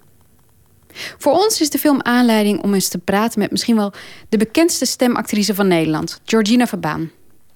Als eerst vroegen we haar hoe lastig deze rol eigenlijk is. Het is een besturingssysteem dat ook wel gaat nadenken en denkt: jeetje, zijn mijn gevoelens wel echt? En, eh, en met zichzelf ook een beetje in de knoop komt. En dat is natuurlijk, ja, dat is lastig om. Je moet niet helemaal een mens worden, want dan, dan is het verhaal weg, zeg maar. Dan, eh, dus, en dat heeft ze ook niet gedaan, dus dat is wel mooi. Ja. Is het, is het lastiger ook omdat je eh, geen houvast hebt van een vorm bijvoorbeeld? Kijk, als je, als je een, een tekenfilmfiguurtje doet, dan weet je hoe het eruit ziet. Daar kan je al iets mee, mee doen misschien. Maar zij is een besturingssysteem, ze zit in computers. Het lijkt me ook heel fijn, omdat je. eh, het lijkt me eigenlijk ook, ook wel prettig. En dan kan je echt in je eigen hoofd eh, een hele wereld creëren voor jezelf. En eh, ja, had me een mooie rol geleken. Ja. Meet Linda. This lovely, lovely brunette is from the Midwest. Dieren Sinterklaas! Yay! Dieren Sinterklaas, dieren Sinterklaas. Op jongens, dieren Sinterklaas.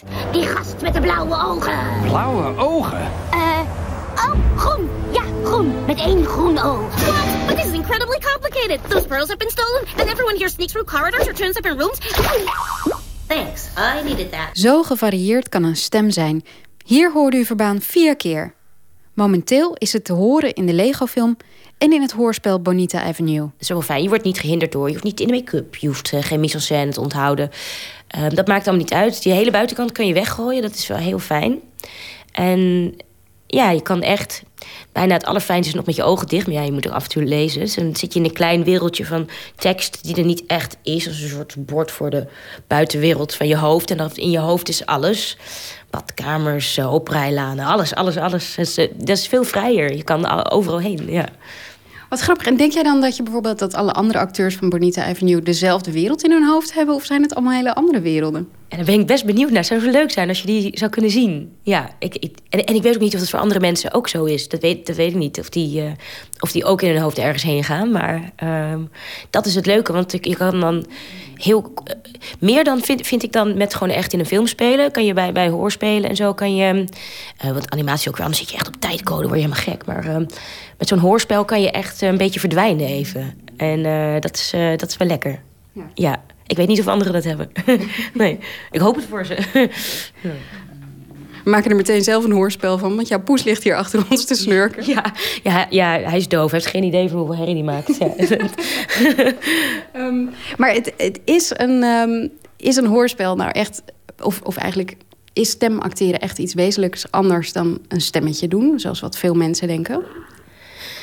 Ehm, ja, er zijn heel veel mensen die bijvoorbeeld een, mooie stem hebben. Dat vaak horen. Die denken, oh, nou, dat moet ik dan ook maar eh, gaan doen. Ik denk dat dat wel kan. Ik heb een mooie stem. Dat, kom je er niet echt mee. Ik denk dat eh, je wel een acteur moet zijn. Ehm, ja, dat denk ik wel. Het, het, is, wel, het is echt acteren, toch. En, maar ja, voor de ene is dat misschien... Kijk, de meeste acteurs wel, kunnen hun stem wel goed gebru- gebruiken, denk ik. Eh, en die leren dat ook. En misschien is de een er iets geschikter voor dan de ander. Dat weet, dat weet ik niet. Er, zijn wel, er zit dus wel echt zo'n vast clubje van, van veel stemacteurs... Die, die gewoon acteren en ook echt heel veel stemmen doen. Dus misschien... eh, ja, heel veel mensen vinden het ook niet leuk, hoor. Volgens mij heel veel acteurs. Gedoe in zo'n hokje, niemand die je ziet. Volgens mij vinden ze dat dan misschien maar niks. Maar ik krijg er geen geld voor. En, eh, nou ja. Maar eh, ja, ik, ja, ik, vind het wel, ik vind het wel heel leuk. Ehm, maar het is wel... mm, ja, ik vind het niet zo moeilijk, maar het schijnt, het schijnt ik hoor dan van mensen die dan... dat het toch voor sommige mensen wel een beetje lastig is. Soms. Nou ja, je staat inderdaad alleen in een hokje. Je hebt soms geen tegenspel. Dat maakt het wel lastig. Ja, ja, ja heerlijk. nee, nee, tegenspel is natuurlijk altijd leuk. Maar soms is het ook, is het ook best wel fijn. En ja, niemand ziet je echt. Dus ehm, ja, je kan al je gêne ook eh, uitschakelen. Nou ja, sowieso niet zo heel snel last van. Maar een hele hysterische huilscène is, is ja, veel makkelijker zo opgenomen dan, dan op een set met weet ik hoeveel vreemde ogen en, en gedoe. En, eh, oh nee, die hadden we niet of onscherp of uh, er hangt een geluidsdraad ergens achter uit je jurk. En, nou, dat heb ik allemaal geen last van dan.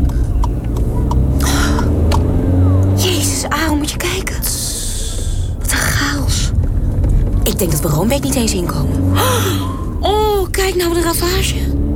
Al die schoorstenen en die daken. Jezus, kijk dat dan. Oh, Tia! Tia, Tia, Tia, heb je het al gehoord? Oh, vertel, oh, vertel nou, Prince Daddy. Oh, ja, eh, Prins Navi. Prins Naveen van Macedonië is op weg naar New Orleans. Ah, is het niet geweldig? Oh. Kijk, je bent wel vrijer, maar dat maakt het misschien ook meteen wel wat enger... omdat het dichterbij komt misschien, op een bepaalde manier? Ehm, ja, ik vind, nee, ja, ik vind het echt alleen maar leuk. Maar ik denk dat het voor sommige mensen wel... Ja, je staat echt op een, op. Omdat je alles hoort, dus je bent zelf ook aan het luisteren. Ja, het kleinste dingetje in je stem kan ineens iets heel anders betekenen. Dat is dan... Het hoeft maar een klein kikkertje in je keel te zijn. En, en het, kan ook ineens heel mooi zijn. Maar ja, dan moet je wel... Dan je, ja, dan, je zit echt op, op een heel klein soort van microniveau te, te spelen dan. Met je stem. En eh, ja, dan mag je ook weer niet horen natuurlijk. Dus eh, het is wel... Ja, Maar er, staat, er zit bijvoorbeeld ook een, een, eh, een seksscène in de film. En ik betrapte me er dus op dat ik het moeilijker vond om daar naar te luisteren. Want je, het beeld gaat echt letterlijk op zwart. En je hoort ze alleen maar praten. Want zij heeft geen lichaam. Dus er is geen echte seks. Ik vond het moeilijker om misschien naar te kijken dan een echte seksscène. Oh ja? Oh, grappig. Ja, ik, ik, ik zag haar bij de seksscène, zag ik haar staan in de booth. Met haar koptelefoon op en de tekst. En, eh, en dan zo, hmm, tekst, tekst, tekst. Kreun, kreun, kreun, kreun. En dat ze daar, dat, ja, dat had ik wel een beetje. Toen was ik heel even een beetje uit. Ja. Doe jij voor Bonita Avenue ook seksscènes? Oh ja, ja. Ja, ja, zeker. Ja, die waren enig. Ja, ja, ja. ja ik mocht een soort... eh, ik, de website mocht ik in, in eh, kreunen. En, en er zijn ook ja, een aantal seksscènes in. Ja. En dat, is, dat, is, ja, is dat dan makkelijker? Nou, vroeger had ik dat heel gênant gevonden, maar daar, daar heb ik me echt een beetje overheen gezet. Het is nu alleen maar leuk, want wanneer mag je nou zoiets doen? Dat is, dat is dan hartstikke leuk. Ja, ja, ja, dat is heel leuk. En stond Waldemar dan gekleed naast je? Ja, ja, ja. Ik, ik, ik had wel mijn handen vaak voor mijn ogen zo. En, en dan, want we wilden elkaar niet aankijken. En dat echt allemaal op geluid gewoon te doen. En eh, ja, ja, ja, ja, dat is heel grappig. Ja. Wat zeg je? Ik verstond je niet. Door de stank uit je mond zijn mijn oren verdoofd. Eigenlijk was dit ons avondeten. Maar we geven het u natuurlijk graag. Ik ga maar weer eens. Aaron? Nee, mama is met mij. Oh, godzijdank, daar zijn jullie. Mijn mobiel was leeg. Sorry, mama. Zijn jullie oké? Ja, we, we waren niet in Enschede. Mam, heel Roombeek is afgesloten en we kunnen niet bij Arons huis komen. Dus ja, we zitten de komende tijd op mijn kamer. Oké? Dan, dan weet je dat. Nu, naar aanleiding van, eh, van deze rol van Scarlett Johansson... is er, is er een hele grote lobby op gang gekomen... dat eh, dit soort stemacteurs zoals, zoals zij... ehm, ook een, eh, eh, in aanmerking zouden moeten kunnen komen voor een Oscar. In dit geval dus voor de beste vrouwelijke bijrol. Vind je dat, vind je dat ook? Vind je dat terecht? Ik vind het een hele interessante discussie, dat, dat zeker. Moet je, moet je lijfelijk eh, aanwezig zijn voor, voor een goede performance in, in film? En, eh, ja, ik weet niet. Er zijn, want er zijn volgens mij, zijn er wel eens, er zijn ook wel stille films waarin niemand spreekt. En dat mensen genomineerd zijn geweest voor hun fysieke eh, aanwezigheid in een film. Ja, de acteur uit de Artist bijvoorbeeld, die heeft Ja, niks gezegd. Nou ja, exact. Ja, dus dat. Ja, nee, dus dat, dat is dan niet helemaal eerlijk, inderdaad. Dat, dat vind ja, het, gaat denk ik om een performance in, in een film. Maar het zou ook wel mooi zijn als ze inderdaad een ap- aparte ca- categorie maken voor, voor stemacteurs. ehm, in, in, in animatie en gewone films, dat ze allemaal op één hoop smijten of zo. Dat zou natuurlijk ook kunnen. Ja. Is het een onderschat vak? Nou. Ja, ik moet ook niet al te moeilijk over doen. Hè. Het is gewoon, ik ben gewoon eh, de script aan het. eh, ja, ja, ik weet niet. Ik bedoel, het is gewoon, het is gewoon eh, acteren. Ja, ik denk wel dat mensen denken dat het heel makkelijk is. Ja, dat is dan net weer niet zo. Maar ik, ik, ik, ik loop hier niet piekerend door mijn huis. Oh, ga ik dit doen? Hoe moet ik dit doen? Nee, nee. Te ijsberen en mezelf willen ophangen en zo. Dat heb je dan toch wel meer voor, voor echte films. dan, dan heb je dat wel. Dat heb ik niet voor stemdingen. Dat is zo fijn. Je komt gewoon binnenwandelen en eh, ja, dat is het. Voor zo'n rol zoals Scarlett Johansson, dat, dat moet je wel, dat vergt wel veel voorbereiding, denk ik ook. En repetities of zo. Maar ja, zij heeft het later ingesproken, geloof ik, hè? Ze heeft zelfs iemand vervangen. Die ze, Samantha Morton deed het in eerste instantie. Die hebben ze helemaal geschrapt. Oh, echt iedereen dat weet. Voor haar. Oh, dat is ook lullig. Ja. Oh, wat erg. Wat ik wel heel grappig vind, is dat jij je herhaalt heel vaak dat je het zo fijn vindt aan het stemacteren dat je niet gezien wordt. Ja. Dat is een hele gekke opmerking voor een actrice. Eh, nee, ja, ik, ik- ja. Ja, ik, je, van dat je gezien wordt, wordt daar, word je, daar word je vaak on- on- onzeker van. En eh, dat zijn, natuurlijk veel acteurs ook wel. En, ehm, en dan moet je er goed uitzien. En dan, ik, kan me dan zorgen, ben ik, oh, ik mag niet veel zout eten. Want ik heb, moet morgen moet ik, moet ik heel vroeg filmen. Dan heb ik dikke ogen. Dan moet ik helemaal niet mee bezig zijn. Dan vind ik helemaal niet leuk. Dus eh, ja, wat dat betreft is stemacteren dan wel heel fijn. Dan kan je niet schreeuwen in de kroeg. Maar goed, het is dan... Ja, echt ja, ja. Maar het is, het is voor een acteur, het, het, het hele vak draait eigenlijk om gezien worden. Vind, vind ik niet. Dus Het gaat om het spelen, toch? Echt. En iets neerzetten. En dan, dan is het, als, als dat alleen maar met je stem kan, is het. Is, ik, vind ook, ik vind gewoon acteren ook leuk hoor. Maar, maar dat is wel echt wat, wat heel leuk is aan stem acteren. dat je niet gezien wordt, ja. ja.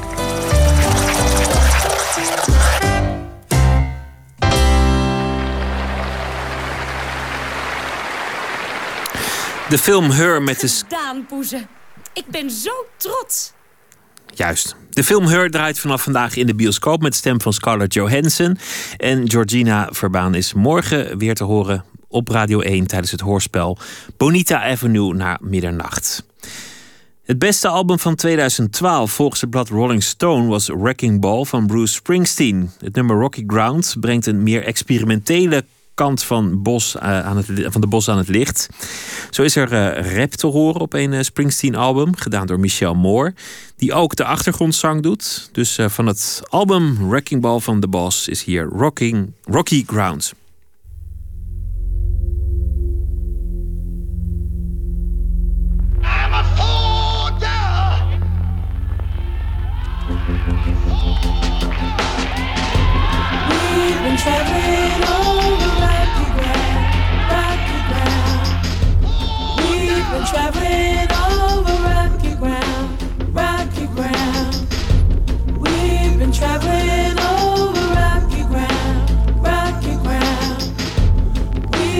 Traveling over rocky ground, rocky ground. Rise up, shepherd, rise up.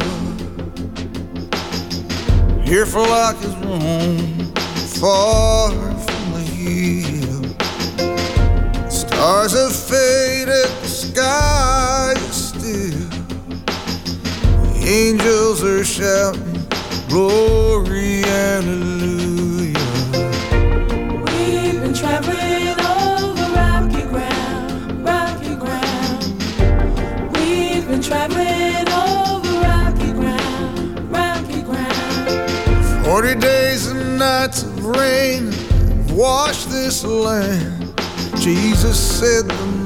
Changers in this temple will not stand.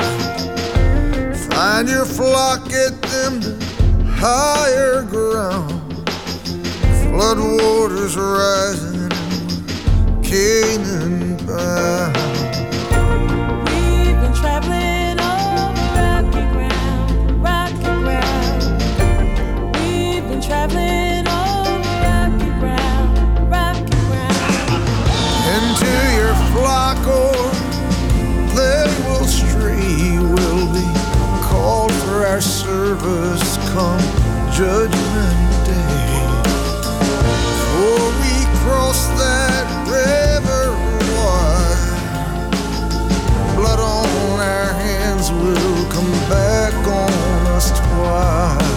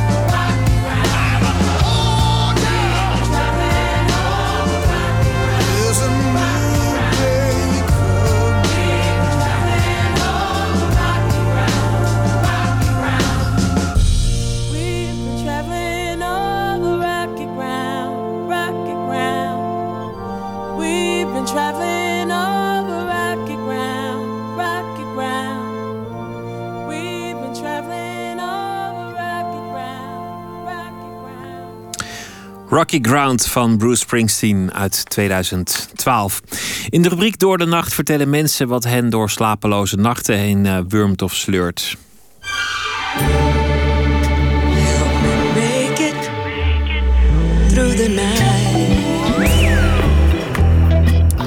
En dat hoort u vannacht van theatervormgever Tom Schenk. Het idee is dat ik een minuut of vijf of zo en dan. eh, en ik probeer mijn eigen vragen er- eruit te kiezen. Wat, je... wat nog wel belangrijk is, eh, hoe, hoe zal ik je eh, omschrijven als. Vormgever. Vormgever, ja, want je- ik zie je bij eh eh, decorontwerp staan, maar ook kostuumontwerp. Ja, dus het- allebei. Maar dat valt er allemaal onder. Ja, in dit geval wel. Ik doe het nou eens een keer allebei. Vormgever. Ja, vormgever. Bij het Nationaal Toneel of, Ja, of nou, werk zelfstandig? Ik werk zelfstandig, ja. ja. Maar bij het Nationaal Toneel mag ik zeggen. Of... Ik, je, ik werk deze productie bij het Nationaal Toneel. Ja, de storm hebben we het dan over. Ja, de storm, precies. Ja. Oké, Eh, nou, daar kom ik wel uit. Eh, ik schrijf iets aan je toe. Eh, zou ik je om te beginnen mogen vragen of je het zou kunnen omschrijven in een zinnetje of zo, eh, zonder nog te benoemen wat het precies is, wat je, wat je door de nacht helpt? Eh, wat mij door de nacht helpt, lezen. Eh, ik eh, heb een eh, voorkeur voor Engelse literatuur. En eh, ik heb het geluk dat ik in een, in een internationale wijk woon... waar heel veel hun boeken dumpen in de tweedehands boekhandel. En er is elke week wel een boek bij, wat ik, soms wel meer dan één... wat ik eh, daar opduikel en wat ik lees. Dus ja, dat is mijn eh, secret hobby. Kun je, eh, kun je vertellen wat voor boeken dat dan zijn? Eh, dat is uiteenlopend. eh, maar ehm, soms vind ik daar wel eens een, een, een schat of iets wat ik helemaal niet ken. Ehm, David Mitchell bijvoorbeeld was zoiets. eh, ik, ik, ik struikelde over eh, Cloud Atlas. En heb vervolgens eh, ook buiten de tweedehands boekhandel... gewoon alle boeken van, van David Mitchell gelezen. En dat is één voorbeeldje. Maar dan, dus dan, eh, ehm, dan, is het, dan is het het toeval wat zich uitbreidt, zeg maar. Maar ehm, ik, ik laat toch veel aan het toeval over. Omdat als ik ge- gericht ga zoeken, dan blijf ik in een kringetje ronddraaien. En, eh, het, en het enige, zeg maar, criterium wat, ik, wat blijvend is, is de vormgeving van het boek. Dat is het enige waar ik op af kan gaan. Als ik, niet weet, als ik de schrijver niet ken en er niets van, van gehoord heb...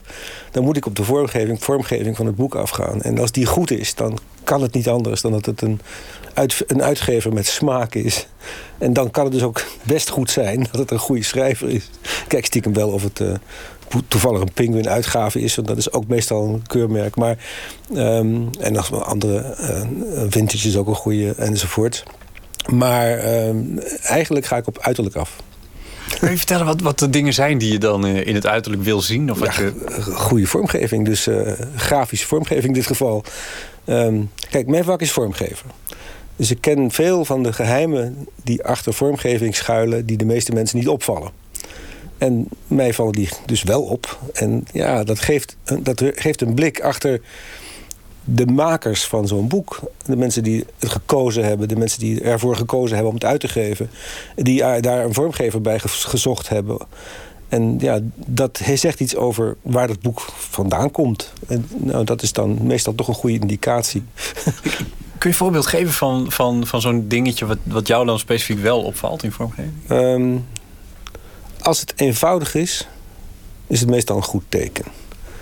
Dus als het echt een to-the-point beeld met een to-the-point tekst combineert, dan zit je al op de goede, in de goede richting. Als het niets overbodigs heeft. Of in combinatie daarmee, als het iets laat zien wat je niet verwacht. Dat is vaak ook een, een teken dat er iets te halen is. Dat er. Of een vormgeving. eh, er is bijvoorbeeld een. eh, ik weet haar naam niet, ik ben heel slecht in namen. Maar ehm, er, is een, een- zijn een aantal boeken van een Poolse schrijfster in het Engels uitgegeven. Engels, een Engels schrijvende Poolse schrijfster. En daar is er één van over ehm, tractoren in de Oekraïne. En dat is een boek wat zo ongelooflijk armzalig is vormgegeven. Dat kan niet anders dan opzet zijn. Het is echt zo weggooipapier, slecht gedrukt, slecht geprint. eh, eh, een, een fout plaatje. En als je goed kijkt, is het heel erg mooi. En als je goed leest, is het een prachtig boek. Dus ja, dan, dan, dan, gaat, het, dan gaat het op. Dan, dan werkt het principe. Dat is bijvoorbeeld eh, eh, dat is een, dat is een goed voorbeeld. Ehm, ja, eh schreeuwerige boeken ehm, zijn meteen, of een bepaald soort schreeuwerige boeken is meteen te herkennen als ehm, eh, detectives. Ik heb niets tegen detectives, dus af en toe dan doe, doe ik daaraan mee. Maar dan kijk ik binnen dat genre of er een is die net iets meer smaak toont... en net iets meer in, ingetogenheid of originaliteit of... ehm, ja, ik zou niet zo gauw mijn vinger kunnen leggen op welk as- ander aspect. Maar ik denk toch wel sim- simpelheid en originaliteit. En onverwachtsheid. Die drie. En dus gewoon lekker uitzoeken op basis van de kaft. Ja, dat zegt al veel over de smaak van de makers. Toch echt, ja, is zo. Ik kan eh, zo alleen al de ruggen van boeken eh, er zo twintig overslaan... omdat ze me allemaal niks zeggen of te veel zeggen. Vooral dat laatste. en daar hoef ik niks, mee- ik niks van te hebben. En natuurlijk sla ik er daarbij een paar over... die eigenlijk best het lezen waard zijn. Maar ja, dat is het risico. ja. Ontzettend leuk. Ja, dankjewel. Wat goed. Ja, ben je klaar? Ja, nou ja, ik, we, kunnen, we kunnen er nog nee, nee, uitstekend. praten, prima, uitstekend. Ja, als je zegt van ik ben mijn ei kwijt. Nee, nee, ik ben mijn ei prima. Dat is een goede, een leuke, kleine... Tom Schenk dus. Spencer Wiggins wordt gezien als een van de best bewaarde geheimen van de soulmuziek. En eh, de echte vertegenwoordiger van de deep soul. Weinig succes had hij in zijn carrière, veel geflopte singles. En later richtte hij zich op de gospelmuziek. In 2006 bracht het album Kent een compilatie uit van het werk van Wiggins. En dat werd ineens wereldwijd geprezen. U hoort uit 1967 het nummer The Power of a Woman.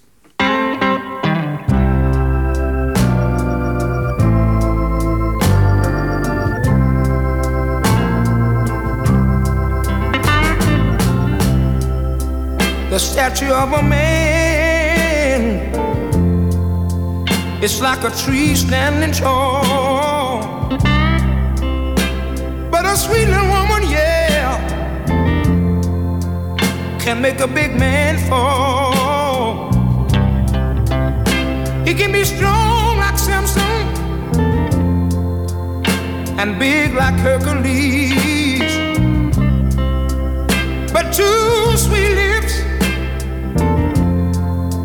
can put a man down on his knees. That's the power of a woman. Oh, that's the power of a woman. Oh, yes, it is. Oh, yeah. Dig this. When a man loves a woman, he might forget his name. But two loving arms can make a bad man change, yeah. She can wrap a man on a finger, lead him around by the nose. She got a mojo working wherever he goes now.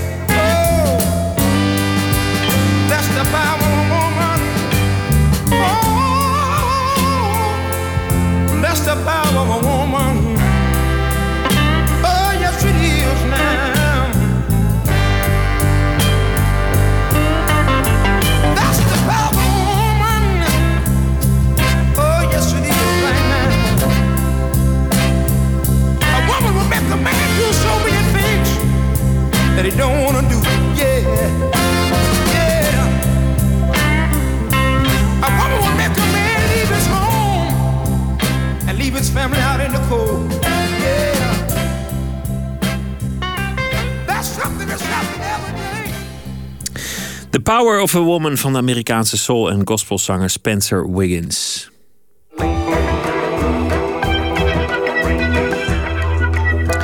U luistert naar de VPRO Nooit meer slapen. Sommige dingen waar anderen zich misschien voor zouden schamen, dat zijn eigenlijk de dingen waar Ingeborg Beugel, televisie- en documentairemaakster, juist hardop over durft te praten en zich vragen over durft te stellen. Zo werd ze bekend met haar nogal uitgesproken optredens als Griekenlanddeskundige in programma's als Pauw en Witteman. Maakte ze onder andere een documentaire serie over de tokkies en series over moslimjongeren en seks. Haar nieuwste en meest persoonlijke film is Uitgebloed, Uitgebloeid. Met een eh, i tussen haakjes. Hij gaat over het taboe op de overgang. Ik liep eh, jaren rond met het idee dat ik gek aan het worden was. Ik herkende mezelf echt niet meer. Ik werd heel emotioneel. Eh, ik herinnerde me niks meer. Je krijgt problemen met je korte termijn geheugen. Eh, ik raakte mijn oriëntatie kwijt. Ik raakte enigszins motorisch gestoord. Viel voortdurend van de fiets. eh, Zette flessen melk naast de ijskastdeur. Een beetje zoals je ook wel hebt als je zwanger bent. En ik was toen eh 45. En ik ben er pas achtergekomen dat ik erin zat toen ik 49 was. En dankzij mijn Griekse buurvrouw. Wat zei die dan? Nou, in Griekenland eh, gaan de mensen heel normaal met de overgang om. Het is heel opmerkelijk, totaal anders dan in Nederland. In Nederland is het een taboe, echt absoluut eh, objectief geconstateerd nog steeds. Totaal anachronistisch, niet meer van deze tijd zou je zeggen. En in Griekenland, zo'n macho-land, waar mannen zich heel erg macho tegenover vrouwen gedragen, nog steeds. Daar worden eh, vrouwen, omdat ze eh, baren, op een voetstuk gezet. En iedere vrouw in Griekenland van 35 weet wat haar te wachten staat. Dus toen ik voor de zoveelste keer tijdens een vakantie bij mijn Griekse buurvrouw aan tafel, aan de keukentafel zat te janken. Toen zeiden zij en haar dochter, die toen 38 was: Ja, maar lieve schat, jij zit in de overgang. Het enige wat ik wist van de overgang was geen menstruatie meer en opvliegers. Maar wat ik niet wist is dat je hartstikke in de overgang komt... vijf jaar voor je laatste menstruatie. En tegen die tijd had je, zien we in de film al... eh, nou, de, meest, de minst gekke dingen zijn een hond nemen... eh, baby's knuffelen. Maar je hebt ook plastische chirurgie laten doen in Thailand. Eh, je, hebt, je bent op jezelf gaan wonen. Je hebt een tweede man erbij genomen. Was dat allemaal te wijten aan die overgang, denk je? Ja, ik denk dat het daar allemaal mee te maken had. Ik heb die facelift in een vlaag van overgangsverbijstering gedaan toen ik 46 was. En als ik had geweten dat ik in de overgang zat. En dat eh, al die gevoelens van ongenoegen en ongeluk en verdriet en depressie en niet tevreden zijn met jezelf eh, daardoor kwamen. Dan weet ik niet, nu achteraf bezien, of ik toen al die facelift had laten doen. Ik denk dat ik het later dan eh, had gedaan. Uh, en in ieder geval had ik toen dan, dan had ik een, en in ieder geval had ik andere verwachtingen gehad. Toen dacht ik, nou, als ik uh, mijn gezicht laat verbouwen, dan, dan past het weer beter bij mijn lijf. Want ik had een heel goed lijf, een ontzettend verkreukeld gezicht. Ik zag er echt veel ouder was dan ik was. Ik had heel veel gerookt, heel weinig geslapen, seks, drugs en rock'n'roll, een waanzinnig leven gehad. Dus dat zag je gewoon in mijn gezicht. En ik wilde dat mijn gezicht weer bij de rest van mijn lichaam paste. En ik dacht, als ik dat nou voor elkaar krijg, dan word ik innerlijk gelukkig. Maar dat is natuurlijk klinkklare onzin. De buitenkant van je gezicht verbouwen... dat verandert niets aan hoe je je van binnen voelt. En zeker als daar die hormonale orkaan woedt. Dus ik was heel erg teleurgesteld door mijn facelift. En die teleurstelling had ik mezelf kunnen besparen... als ik had geweten uh, wat er werkelijk met me aan de hand was. En je ziet dat heel veel vrouwen facelifts doen uh, in die tijd... En volgens mij heeft dat heel veel te maken met dat gevoel van... ik ben niet tevreden met mezelf, ik wil iets anders. Ik wil een ander gezicht, ik wil een ander lijf, ik wil andere kinderen... ik wil een andere man, ik wil een ander leven. Ik zou echt niet weten wat ik me daarbij moet voorstellen. Wat is een opvlieger? Hoe vlieg je op? Do you know what the menopause is? Menopause? No, no idea. Het hoort bij de vrouw, gewoon ja. klaar. Er valt niks aan, uh, aan te veranderen. Ik weet dat mijn moeder er amper iets over wist. Die zegt, of ze is nu overleden, maar die zei... ik heb er nooit last van gehad, maar dat geloof ik niet. Bent u in de overgang? Nou, daar ga ik niks over zeggen. Maar vindt u dat er een taboe is in Nederland over dat onderwerp? Ja, maar ik, ik ga daar niet, uh, niet op in. Ah, mens. Schijt er uit. Je hebt in de documentaire ook over een taboe. Waarom is dat taboe er? Er zijn dus 1,6 miljoen vrouwen in de overgang momenteel. En toch zeg jij er is een taboe op. Ja. Um, in de eerste plaats is het altijd een taboe geweest. Uh, en ik denk dat dat komt omdat de overgang uh, te maken heeft met verval, met oud worden en uiteindelijk met de dood. En alles rondom de dood is een beetje in de taboesfeer, omdat we het allemaal zo griezelig en zo eng vinden. Um, uh, het was heel lang überhaupt geen fenomeen. Want vrouwen gingen vroeger gewoon dood voor of rond de overgang. Maar dat is al best wel lang geleden. Ja, maar de enige vrouwen die dus toen in de overgang kwamen... dat waren nonnen en oude vrijsters. Dus die overgang is in de volksmond en in de volkscultuur... een beetje vast te komen kleven aan rare vrouwen... die niks met mannen te maken willen hebben. En dat is sowieso taboe. Nou, toen uh, uh, werden vrouwen ouder, maar werkten de meeste vrouwen nog niet. Dus die overgang, die, die, die leef, beleefden vrouwen nogal individueel... binnen de gesloten muren van een huis, waar ze huisvrouw waren. En nu, nu vrouwen allemaal werken wordt het pas echt een probleem. Want de overgang en werken, dat is iets heel anders dan de overgang en huisvrouw zijn. Als jij vier nachten niet geslapen hebt, uh, of je hebt ongelooflijke last van opvliegers, waardoor je echt ieder half uur het gevoel hebt dat er een tuinslang uh, boven je hoofd hangt. Uh, ja, dan, dan kan je daar binnen het huis uh, mee dealen. Maar als jij advocaat bent, of uh, buschauffeur... of lerares voor de klas, of journalist, of wat dan ook... dan is het opeens een enorm probleem. Betekent dat ook dat jij, toen je het eenmaal door had... dat je in de overgang was, dat je dat niet bespreekbaar durfde te maken? Dat je niet tegen vrienden of vriendinnen... of als je aan het werk was en je niet goed voelde... durfde te zeggen, jongens, ik ben in de overgang, vandaag even niet... Um, ik heb er toen wel, je kent me. Uh, ik, een beetje, ja. Jij kent me een beetje. Ik praat wel, als ik helemaal weet wat, dat, dat er iets is of sowieso. Ik ben niet bepaald op mijn mond gevallen, dus ik praat er wel over. Maar ik merkte dat er heel besmuikt op gereageerd werd. En geldt het ook voor vrouwen? Of is dat vooral mannen die raar reageren? Nee, uh, ik heb geconstateerd dat de meest heftige reacties vaak van vrouwen komen. Eh, denk bijvoorbeeld aan Linda de Mol, die op de landelijke televisie bij Paul Witteman eh, verkondigde dat ze nooit een nummer van haar Linda, het damesblad, aan de overgang zou wijden. Ik vind het sowieso een heel onsexy, onsexy eh, onderwerp. Dus ik heb sowieso voor mezelf al besloten dat ik het er Dat helemaal niet in de over ga- overgang gaat. Jawel, ik ga er wel in. Maar eh, ik ga het er niet over hebben. Ik vind, ik vind het geen sexy, leuk onderwerp. En ze keek daar echt heel erg vies bij. En het was heel duidelijk dat ze er allergisch voor was.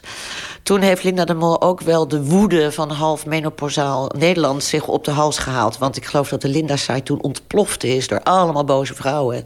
En omdat heel veel vrouwen wisten dat ik met die film bezig was, liep mijn mobieltje vol met allemaal sms'jes van razende dames. Die zeiden: Ik koop nooit meer de Linda. En ik hoop dat als ze erin komt, ze er zelf veel last van zal krijgen, want dat verdient ze. Maar eigenlijk eh, representeert Linda de Mol heel veel vrouwen. Die afschuw, die, die angst, die, dat, dat, hè, wat ze ook lijfelijk uitstraalde... met die uitdrukkingen op haar gezicht... alsof ze een stuk drol had ingeslikt... van hier wil ik niks mee te maken hebben... die houding hebben heel veel vrouwen. Wat de film heel bijzonder maakt, is dat je echt ontzettend persoonlijk bent. Tenminste, zo lijkt dat voor de, voor eh, de kijker. Eh, je bent niets ontziend naar jezelf. Eh, je ziet jezelf doodongelukkig eh, zonder make-up voor de spiegel staan en voor je uitstaren. Eh, je twee mannen zijn in beeld. soms met enige tegenzin willen ze helemaal niet praten over jullie relatie voor de camera. Misschien ook wel begrijpelijk een beetje. Maar het is dus ontzettend persoonlijk en je stelt je heel kwetsbaar op. Maar toch ben je, ja, je bent een journalist. Waarom heb je ervoor gekozen om... Je had ook een film over de menopauze kunnen maken... door andere vrouwen te interviewen en wetenschappers. Misschien wat minder spannend geweest. Maar waarom heb je deze keuze gemaakt? Nou, ik, ik, ik ben er zelf nog steeds niet van bekomen dat we deze keuze hebben gemaakt. Want ik begon de film als journalist en eh, ik wilde eh, met een journalistenhoedje op door menopauzeland stappen en de kijker laten zien wat er op dat gebied eh, zoal bestaat, te doen is en bekend is. En inderdaad, ik zocht naar vrouwen die voor mijn camera over hun ervaringen wilden praten. Maar eh, terwijl ik al aan het draaien was, eh, kwam ik bij een Deense documentaireproducente terecht. Die gaf een cursus en zij is heel beroemd. En eh, haar producties slepen internationaal allerlei prijzen weg. En zij zei tegen mij: eh, joh, eh, naar zo'n film wil ik niet kijken en daar wil niemand naar kijken. Hou nou toch op. Dat is een soort telejak-cursus menopauze. Gaap, gaap. eh, een echte documentaire. Daar zit drama in. Daar zit een dramaturgische ontwikkeling in. En ze begon mij te ondervragen over mijn leven. En toen moest ik schuchter bekennen dat ik twee mannen in mijn leven heb. Een, een originele modus vivendi. En dat ik met de ene wel vrij en met de ander niet. Dat ik met de ene heel lang ben en de ander heel kort. En dat de ene een zakenman is en de andere intellectueel. Dat ze elkaars tegenpolen zijn. En toen ging die Deense producenten, mijn, mijn leermeesteres in die cursus... die ging op het puntje van de stoel zitten en die zei... ja, maar die film wil ik zien.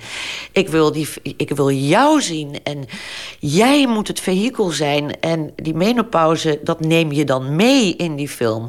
En zo kluister je mensen aan, aan de buis. En toen gaf ze me ook nog eh, eh, eh, de, de, de opdracht mee om eh, mijn ijdelheid helemaal kalt te stellen. Ze zei, in zo'n film moet je lelijk durven zijn... moet je je extreem kwetsbaar kunnen opstellen en durven opstellen... anders sla je de plank mis. Alleen zo krijg je mensen mee. En toen zei ze ook nog... en bovendien door er zelf openlijk over te praten... daarmee doorbreek je pas een taboe. Want het is heel makkelijk om een microfoon voor mensen te houden... en hen leeg laten te lopen voor de camera... Maar als je zelf open bent, ja, dan win je harten van mensen. Nou, dat was op het moment van het proces van mijn film een omwertung aller werten. Ik moest dus moest 180 graden mijn film draaien. Het was heel zwaar. Ik vond de montage ook een drama. Ik moest de hele tijd tegen mijn eigen, mezelf aankijken. En ik ben zo lelijk in die film. Ik ben zo lelijk in die film. Ik riep voortdurend, oh nee, oh nee, niet dat beeld. En dan zei de editor weer, joh, doe alsof het iemand anders is. En dit komt er wel in. Ja, nee, het was, het was een martelgang. Als je het hebt... oh, het is, de menopauze is een minor problem... in de complexe relatie die wij met z'n tweeën hebben. Dus dat is alleen maar een onderdeeltje daarvan. Dus, en of het goed is, ik, ik, ik ga, daar ga ik toch geen uitspraak over doen. Ik kan alleen, het gaat goed op het moment dat ik denk... hé, hey, nu heeft ze... God, ze heeft het naar haar zin. Nou, ik denk dat je wel eens wat meer rekening kunt houden... met de fase in het- van het leven waar ik nu in zit. Ja. Ja, en dat... Ik vind dat je, daar, dat je er weinig geduld voor hebt. Weinig geduld voor Ja, heb. weinig begrip voor, weinig geduld voor, weinig laisser-aller. Weer dat je de film hebt. Ja, ja je bent, je Nou. bent, je, het, het is een heel emotionele periode... en daar kan jij gewoon niet goed mee omgaan. Oh, nou, dit was Brandpunt Goedenavond. Ja. Ik vind dat we er nu echt maar mee stoppen moeten. Als je dat erin wil hebben, dan, dan kun je de rest ook sluiten. Het lijkt me ook moeilijk om te balanceren op eh, het randje tussen kwetsbaarheid en exhibitionisme. Ja, dat was ook heel erg moeilijk. En die, dat, die kan je dus alleen maar naar de goede kant laten doorslaan... als je kwetsbaar bent. Echt kwetsbaar, maar, maar geloofwaardig en overtuigend kwetsbaar. Niet gespeeld, dan sla je de plank mis. Dan word je onmiddellijk exhibitionistisch. Het duurt zo ontzettend lang. En als ik dan klaar kom, is het zo niks vergeleken bij vroeger. Nu is het ja, een beetje een miserig gelo- gelokaliseerd dingetje.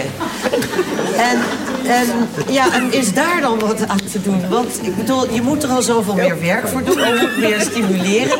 Maar dan is het eindresultaat zo teleurstellend. Alsof je niest. Ja. Precies. Ja. Maar ik bedoel, hebben jullie dat nou ook?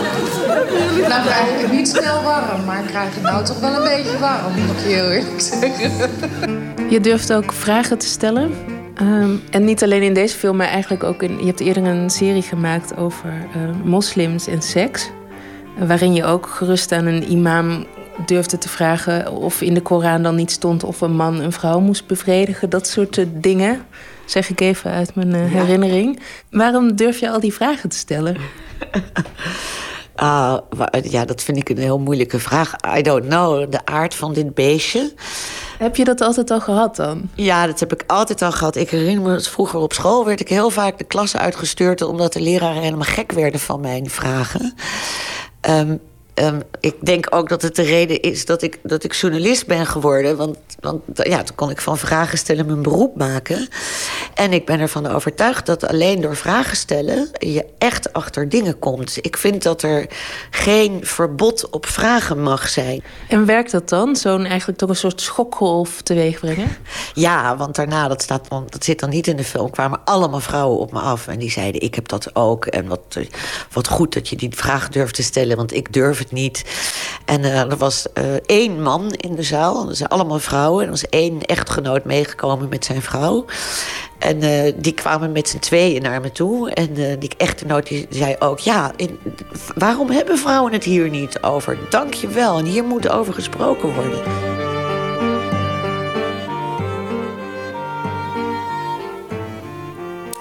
Ingeborg Beugel en zij werkt aan de oprichting van een stichting. Het gaat over, die objectieve informatie aan vrouwen over de overgang wil gaan verschaffen.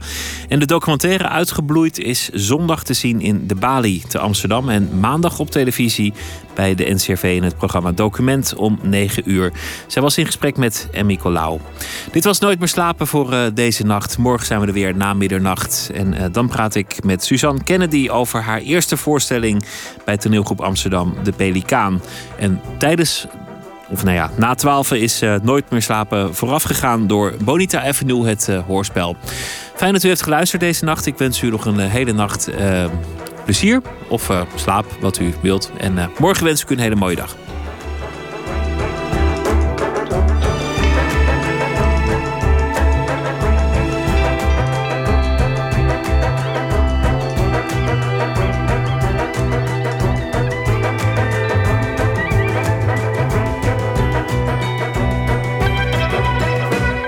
Op Radio 1, het nieuws van alle kanten.